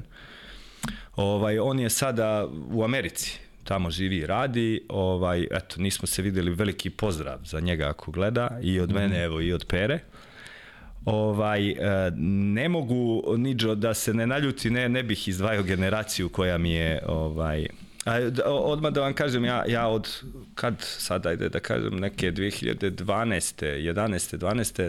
ne znam da li sam vodio generaciju, radio sam sa seniorima cijelo to vrijeme. Mm -hmm. Ovaj, ali svakako da je njegova generacija jedna od omiljenih. Evo, odgovor, to, to bi bio odgovor. Ja sam, samo, samo se nadovežem na taj Nikolin, ovaj, tu konstataciju i hvala mu, stvarno, evo, ono što kaže, ovaj, ti natera suze noći, jer e, taj neki naš duh koji vlada među nama, više on ima u Americi sad i on, on, on takve stvari ispaljuje, mislim, to, to trebaš stvarno da budeš presrećan kad e, imaš, Maran. to nema cenu. A, a ja hoću da kažem e, jednu drugu stvar. Kad su oni Mišković igrali u, u, u kad je rekao da ga vaspitavamo, oni, oni su igrali u Izraelu pre jedno, da kažem, 5-6 godina i onda oni mene zovu njih dvojca zovu me u neko doba 12 noću, ne znam šta će sa sobom i ajde pričaju sa mnom. I onda šta je, kakve probleme imaju, pa šta ovo, pa kakve, pa ljubavne, pa sportske, pa sve. Pa mi to razlabamo do, do, do dva noći. I oni, oni su mučnici, kad god dođu u problem, oni se jave, i, i, i, imaju potrebu da im se nešto ono očinski kaže. Znam. Tako da e, mnogo su kažem, ti odnosi u tom smeru otišli da, da prosto ovaj, e, mislim da i, i, i treba da budu promotivni u, u tako, da ne pravimo robotiku od odnosa na, i, i mehaniku čisto. E, mi smo sad kao došli ovde od vas da napravimo robote koji ćete da igrate neki vaterpolo i praviti ne znam kakve rezultate. Vaterpolo rezultati će sami doći uz, uz, uz normalne prijateljske odnose, uz jedno uzemno razumevanje. Treba brnuti igricu na drugu stranu e, ta neka strogoća, svi smo mi negde morali da budemo strogi u nekim segmentima rada, kao treneri, da kažem i kao ovaj, rukovodioci kasnije. Ovaj, ali, ali uvek moraš da ostaneš čovek. Mm. Znači, u, u, u, nigde ne treba zatvoriti vrata nogama, da ne kažem nešto drugo. Da. Ovaj, e, znači, kad sretnem nekoga na ulici i kad, i, kad mogu punog srca da ga pozdravim, e, nema većeg bogatstva od toga. A Zemun je e, naša, da kažem, e, naša, na, naš grad, razume, gde se stalno susrećemo. I sad, ja, na primjer, dobio sam, evo da spomenem Marija Gašpara, na primjer, to je dečko koji je jedan od prvih koji je, koji je ovaj, upisan u klub. Sa, ne znam, to je ekipa, na primjer, Vla, Vladimir Stojanovski, Oskar čuveni, pa taj Mario Gašpar, pa Mar, Marko Bauk, pa, pa ovaj Halilović koji radi u Zvezdi, on je naš čovjek isto. Pa pa koliko, pa praporski mali ovaj, i tako dalje. To su sve momci koji dan danas ti imaš komunikaciju s njima i stalno si u nekom, uh, u nekom normalnom prijateljskom odnosu. Znači, to, to, to ne može, ne mogu ja da prođem pored njih i da kažem ja nisam vas vidio ili oni pored mm. mene. Znači. I, I dan danas se čujemo i pričamo o problemima, mislim, što je za mene velika stvar. A znaš kako se nadvezuje pitanje sad ovo što se priča? Mm -hmm. Kaže, da li Pera više voli Srđana Miškovića ili Sina Živojina? to je stala. Fenomenal. Ali gledaj. E, ovo, ajde, kaži, ajde. Ne, gledaj. Jednu stvar da kažem. Pa normalno da volim svoje dete najviše, to je, to je u redu. I mislim da spomenemo, mislim, u, u sklopu ove priče, i njegov mali igra i, i, i, u klubu, i moj mali igra u klubu, i od Đoleta Đorđića mali Nikola igra u klubu. Bo, Bok je mali igra u klubu. Mislim, ali mi nismo imali tu patologiju da sad oni nešto mora da budu. Pazi, ja sam sa neke pozicije gde sam bio i ja sam uvijek mogu da forsiram. Moj mali čak igrao, Živojin igrao za ja mislim, staciju na nekom turniru u Bugarskoj, za staciju ovaj, e, Srbije u Sofiji gde su išli valjda neki turnir i onda jednostavno on dete nije, kaže, tata, ja više neću da idem tamo, nešto mi se nije svidelo, da ne pričam sa, nije to bitno. Da. I ja mislim, sine, to je tvoja odluka, bre, da te ja nešto forsiram, da ako ti nemaš tu želju i potrebu, imaš svoje razloge, izvolite, ali šta je nama bitno bilo? Nama je bitno, uvek govorio i roditeljima kad dođu da, da, da, da, da traže da klub, da dete napusti klub, to je za nas bilo uvek velika patnja. E, dođe mi ga napravimo i vidimo ga u prvom timu, on ode. Ja kažem, e, nama je, ljudi, shvatite jednu stvar. Ja imam toliko iskustva u tom, u tom da kažem, sportu. O, ovaj, jedan od hiljadu će biti ovaj, virtuoz. Znači, e, moram u ovoj situaciji da spomenem, e, mislim, da spomenem neke igrače vrhunske koje sam trenirao. Uh -huh. Da kažem za, za, za, za, za, za Saleta Ćirića, na primjer, E, tu je bio igrač koji, ja se sećam, mi smo išli na neko prvenstvo, Bata Orlić, pokojni i, i Stamenić, e, e, su, kad su bili u Zvezdi, to je, mi smo imali neko zadnje prvenstvo, ja sam bio tad trener, 90, da li prva ili 200, znači zadnje prvenstvo u Veneciju prvenstvo državi, mi osvimo četvrto mesto. I oni sad me, ja sam vodio 76. godište tada, ba, ja sam već tu gurao igrače, ovaj, Aca Šapić je bio 70, E, osmo, ja sam ga gurao u 76. Uh -huh. Čile je bio 77. Ja sam ga gurao u 76. Razumete? E, Drašković je bio 77. Ja sam ih sve gurao da, da stasavaju. I mi smo otišli na taj turnir, mene Bata pokojni pita, kaže, Petar, šta ti misliš, ili imamo mi ekipu 77. godište da idemo u ovaj čujni turnir, što je sad već posto, išli smo i kao Zemun, mali meda, to je sad internacionalni turnir kao ovaj turnir u Dovičiću, Tomo, da. U, da I, i ja kažem, imamo ekipu. I stvarno povedem su tu decu ovi, ova dvojica uh, igrača, ovaj Bosal, što drže sad momci, braća Petkovski njih, pa, pa, pa mislim da sam čak i Slavka Gakad. Ja mislim da je on kao, on je kao 80, ja mislim bio u toj ekipi. Ovo, i, I sad ja napravim jednu pristojnu ekipu, razumeš, I odemo mi tamo, to su, to su bile elita čoveče, Partizan. A pritom nam je jedan, jedan e, najbolji igrač koji je bio kao ne znam stanje u Zvezdi, otpeš u Partizan, a kole vodi Partizan. I mi sad, o, znaš, igramo ekipu, igramo utakmicu sa Jugom, pobedimo Juga, razumeš pa. Tu se mali Čira već video, profilisao sam ga negde da, da može te odbrobene akcije da da ima duge ruke, da, da, da je plovan, da je, znaš, nije igrač faula, nego igrač pokreta mekoće, da ima osjećaj za to. I, I tu sam ga negde ja možda kažem pozicionirao. Ovaj, uh, onda, e, kako se zove, Aca Šapić, on je čovjek, ta, to, meni su pitali, a šta je što vodiš njega, ja sam njega čak uh, uh, zadnji turnir bratstvo jedinstvo, znači ja sam sa koletom vodio u, Vela Luku i, i Bata me, mi je rekao, kaže, imaš četvoricu, uh, petoricu i zvezde možda povedeš. A to je za 76. Znači, idu iz Partizana Dača i ova ekipa Šefik i da, Mali Antunović i tako dalje. I ja od tih 76. stavim Acu Šapića, 70, on je 78. godišnji. I kaj mi, čeče, što vodiš njega? I onda tu je još ispala frka sa njegovim roditeljem, da, kako, izbacio si ovog maloga Erdeljanovića, ubacio si Acu Šapića. Ja kada čovječno, on je plovan, on već pokazuje sa on je takav tip karakter ličnosti, on je individualac strogi, ima fenomenalne motoričke e, ovaj, e, psihomotoričke ovaj, e, sklopove i to će biti igrač. I tako sam ga ja i odveo tamo. Tako sam ga ja, mhm. on je igrao za tu reputaciju, sad sam pravio digresiju samo. I sad da se vratim na, na šalatu i mi igramo sad druga utakmica s Partizanom.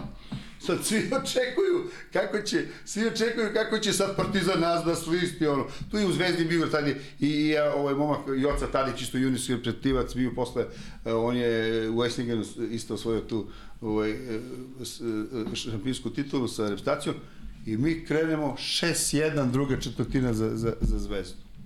Ja si sad našao čudo, čoveče, kole nije mu dobro, ne zna šta se dešava, kako 6-1 i tamo mata, kako išla treća četvrtina i mi na kraju pobedimo dva razlike. Izgubimo tu na prvo mesto na Zvezda izgubimo prvo mesto zato što je ne znam Poš je doveo mnogo stariju ekipu i mi izgubimo jedan razlike samo od njih i na diferencijal gol razliku svi smo imali e, Partizan e, Zvezda i, i, i, i Poš diferencijal Poš bude prvi Partizan drugi i treći. I, I sad ovi ljudi u klubu, pa kako ste vi to završili, kako ste pobedili? Pa eto tako momci su igrali fenomenalno, mi smo se potrudili da damo ostavimo utisak. Tako da, ovaj, to ti je prosto stvar odnosa prema prema uh, igračima, prema kad ti daš mlađim igračima poverenje, znaš, kada oni osete da imaju da imaju poverenje od trenera, razumeš, to to i diže. To to ne može što je Vukota rekao, to ne može nikako da se poredi sa nekom to roditelji moraju da shvate. Ta identifikacija igrača sa trenerom, to nema nikakve veze sa identifikacijom i samim procesom vaspitanja uh, deteta sa svojim roditeljima postoje da kažem, ako su ovde muškarčići, dečaci, oni su vezani za, za, za oca. Mm. O, I tako da, mislim da u tom smeru i dalje treba ići, a sad, to što ja pričam je jedno. Miksa, daj četvrto pitanje pa da imamo još par pitanja gledalaca. Pozdrav svima u studiju, pogotovo za moj komšiju Vukotu.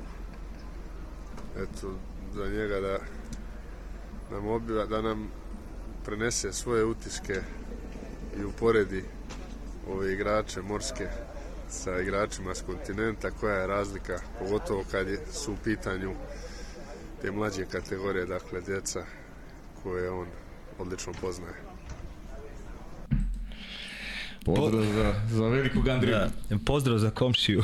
Za komšiju. za veliku komšiju, da, da, da. da. Ovaj, uh, pa razlika, šta bi ovako da vam kažem, uh, ovo što sada gledam, Evo sad, skoro rekao sam ti uh, da sam gledao taj turnir regionalne lige za 16 uh, godina. Uh mhm. -huh.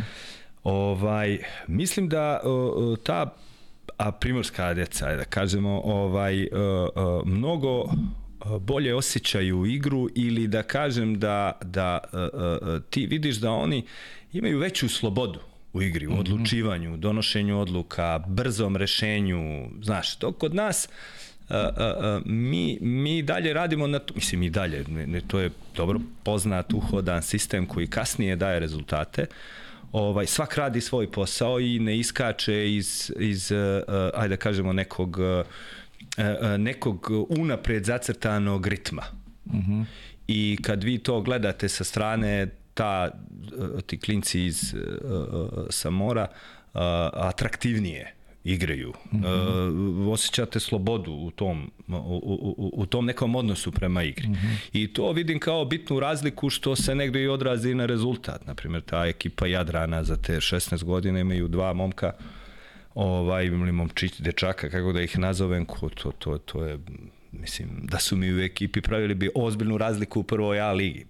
Jasno, znači, to, to, to, to je, ok, to je sigurno krvav rad, to je sistemski rad koji se dešava dolje, odnosno u, u Jadranu gde ti klinci rade, ovaj, I, I ta razlika je uh, evidentna, mislim, to je u odnosu na, na naše dečake, što ne znači da će -hmm. to biti blistavije karijere od uh, naše dece, ali to su recimo neke osnovne Ovaj, ali to vam je uvijek, uh, oni teže da budu mi, a mi težimo da, bude, uh, da budemo kao oni i, i uh, teško je naći tu sredinu, mislim u smislu nekog odnosa uh, prema sportu. I uh, to, to sam rekao u toku razgovora, uh, upravo na tome mi u Zemunu insistiramo, deca moraju da se igraju. Znači da, da. moraju vaterpola da se igraju na treningu i stoga se rađaju mm. šampioni, ne kažem kao komšija, ali eto, nadamo se. I još jedno veliki pozdrav za cara. Nešto mi rekao jednom, ajde, da, da sad, dobro mi je šlagor, tu uvijek se posetim. Boris Zloković mi jednom rekao jednu, jednu ovaj, zanimljivu stvar, da, da mu je falilo možda ovaj, u karijeri da je možda prošao malo, da je bio malo deo tog partizanovog sistema, jer Kaže, mi dole u Jadranu, kaže, povedemo 2-0 i mislimo, lako ćemo ovo i onda se opustimo, kaže, ovde te, kaže, pojedu te, oće te dobiju 20-0 ako mogu. Tako je. Tako. A kaže, to je nama falilo da, da nekada, ovaj, da do kraja nekog, kad vidimo da možemo da razbijemo, da ga razbijemo do kraja, nego mi onda napravimo kočicu, lako ćemo ovde i to, kaže, to je, kaže, neka razlika Pa to je ovo što sam ti rekao. Da, A, da. Oni hoće da budu mi, mi hoćemo da budu oni, bez obzira ko smo mi, ko su da, oni. Da, bez obzira, da. Da, da, da. da. Ček, imaš još ovde, samo da ne zaboravim, ovo mi je bitno, pošto mi je naglašeno da je bitno da te, čekaj mm. samo da nađem. Prvo pozdravljate, pozdravljate puno ovaj, Darko Brguljan. Aj, I hvala. Kaže, hvala kaže ovaj, pitanje za Vukotu da ispriđa jednu anegdotu sa Jovom Popovićem i crvenim Fiat Puntom. ovaj, pa prvo veliki pozdrav za legendu Darka. Ovaj, uh, uh, moj, radi se, i ovo je kum moj, ovaj, uh -huh. ja sam ga i, i, i vjenčao i, i krstio mu ovaj, sina. Ovaj, uh, anegdota sa puntom, pa Pazite, vjerojatno Darko misli na, na taj period, još dok smo igrači bili, ovaj, uh, i ovo ima kuću na Prčnju dolje, što je preko puta, mm -hmm. uh, na, odnosno preko puta Dobrote, ovamo gde, gde, gde mm -hmm. smo odrasli. Ovaj, I celo ljeto posle svakog treninga bi išli ovaj, tamo, ono, momci šta, zezanje, tamo, vamo, po neki trening bi se i, i, i preskočio, a sad ajde, ne bi mogao da baš neku anegdotu da izdvojim, ovaj, jer ih je bilo mm -hmm. milion, onako, eto. Tako da veliki pozdrav u svakom slučaju za, za Brgu. Da. E, Ivo Begović te pozdravlja takođe.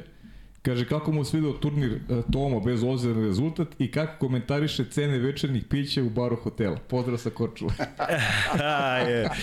Pozdrav za Iva, pozdrav za Iva. Ovaj, e, cene e, pića u baru, da, simpatične, ono, morske, kako bih vam rekao, ovaj, a Kako ocenjujem turnir i to da to su veliki benefiti tog turnira ovaj što na primjer Franka Antunovića kog je Pera spomenuo nisam video jako dugo ovaj jako kad kaže jako dugo znači 10 više godina otkud znam ovaj ta druženja su fantastična razmjena iskustava i tako dalje to se odvija u, u tamo u, u lobiju hotela u tom baru -hmm. koji do 11 radi a ostajali smo do 1 2 prilično ovaj dugo. Uh, pa Zemun je prvi, ovo je drugo učešće Zemuna u stvari na, na turniru Toma Udovičić. Uh, uh, moje prvo učešće, lično sam išao mm -hmm. ja ovaj, da, da, da vidim kako to izgleda i fenomenalna organizacija sve.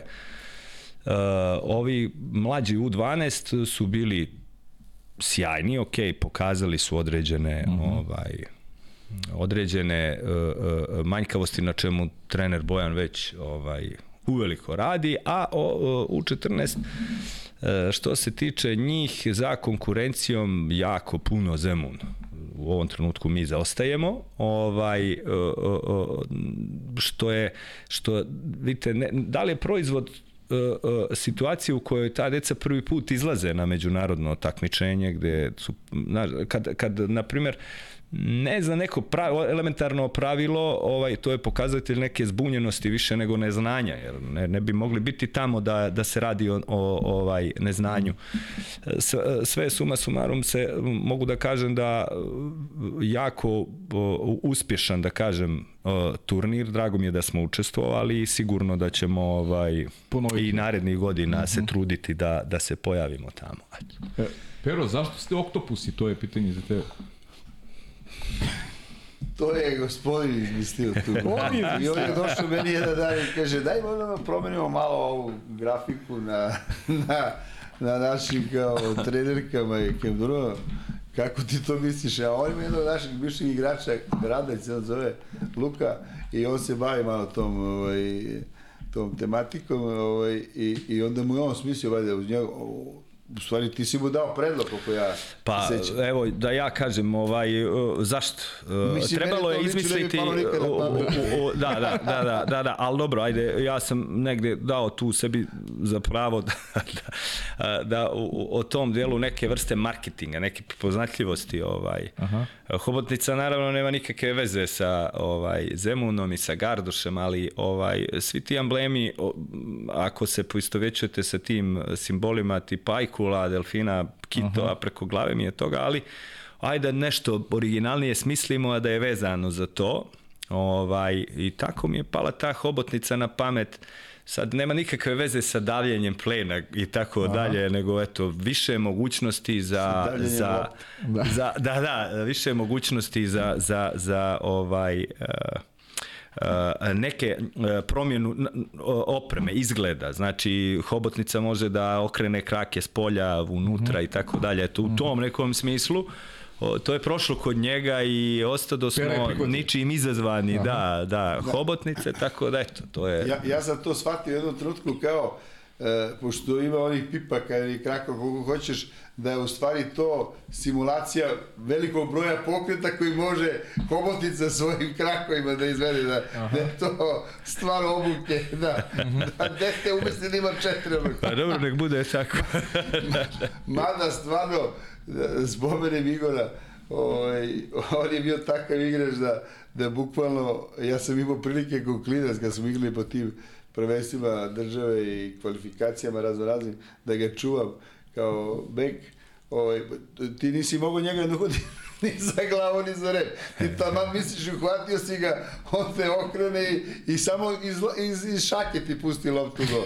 I onda, ka, kažem, to je to, može Vukota na to misli. No, no, da, da, da, da. E, a u čemu je tajna te, te generacije 2007?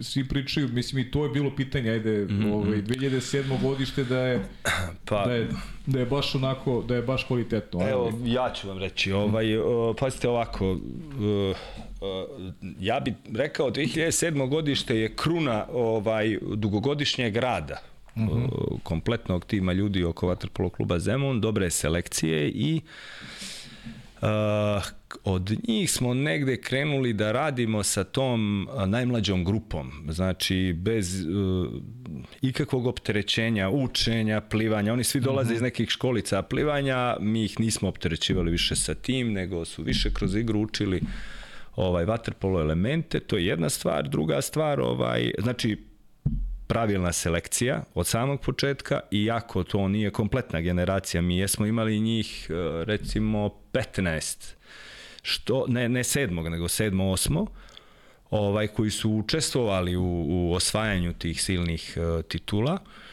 Ovaj, uh, uh, a njihov put dalje od trenera do trenera, znači njih je preuzeo Bojan Ivanović mm -hmm. uh, uh, ovaj, uh, i onda ih je nadograđivao. Mm -hmm. jako puno su igrali. E, te e, te prve dvije godine, koliko oni su do, do neke 13. godine ovaj bili kod nas i mislim da nisu nikada izgubili da, ni jednu jedinu utakmicu, mm -hmm. ovaj a sad pazite od tih 15 imate sigurno 3 4 dečaka koja se više ne bave. Uopšte vaterpoloma mm -hmm. učestvovali su u tome. E onda to, to pošto vam je Pera spomenuo, imali smo i, i, i 99. koje je otišlo u Jasne. tom domino efektu i 2005. Logično je bilo očekivati za ovaj I za to 2007. s tim što smo to nekako kontrolisanije, da kažemo, uradili, e, ovaj, svi su oni za nekim svojim, ajde da kažemo, ovaj, ambicijama koje su opravdanje, opravdane manje ili više, otišli ovaj, u, u druge klubove da se uh, razvijaju. Svakako nama su ostala dva igrača iz, iz te, ovaj, uh, tri u stvari, iz te generacije. Opet da ne, se ne bavim imenima, ali ovaj, uh, koji nam učestvuju i dalje na tim takmičenjima. Tako da, uh, jedan sistematičan rad, jedna selekcija, uh, ovaj, postavljanje igrača uh, na, po pravim pozicijama, pravi trening i, i dugogodišnji rad na prvom mjestu ovaj kao nagrada toga stiže generacija 2007, svakako i 2008, mm -hmm. koja je takođe imala treće mjesto na prvenstvu države.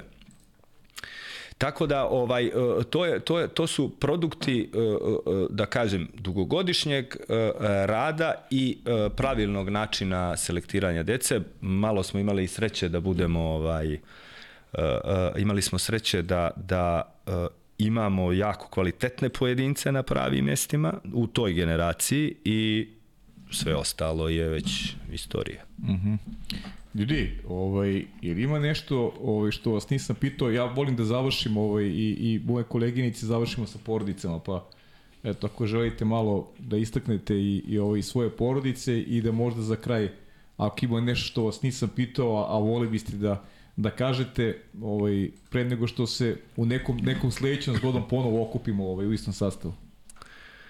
Pa, ajde, ja prvi. Možeš, ovaj, što se tiče aj prvo porodica, ovaj pa oženjen sam uh mhm. -huh. sa Ankicom. Uh mhm. -huh. Pozdrav veliki uh mhm. -huh. za moju ženu. Ovaj uh, imam dva sina. Uh -huh. Stari Andrija je mlađi Vuk. Andrija se bavi vaterpolom, on je bio dio te generacije 2007. On je nastavio svoju karijeru ovaj, kad su krenuli da idu u Partizanu. Uh -huh.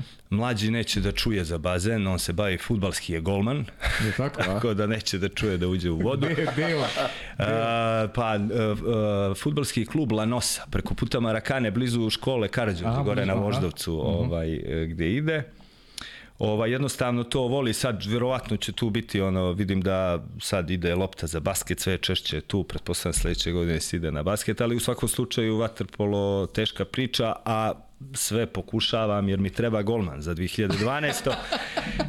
Bio bi mi savršen, ali je, ovaj, tako da to je to, sve ih puno ljubim i pozdravljam i zahvaljujem na kraju i njima na, na ovom silnom odricanju, svi smo mi, svi su oni, jel, podnijeli tu žrtvu, jer uh, ovaj posao, i s tim bi, jel, zaključio, ovaj posao je jako teško raditi bez strasti.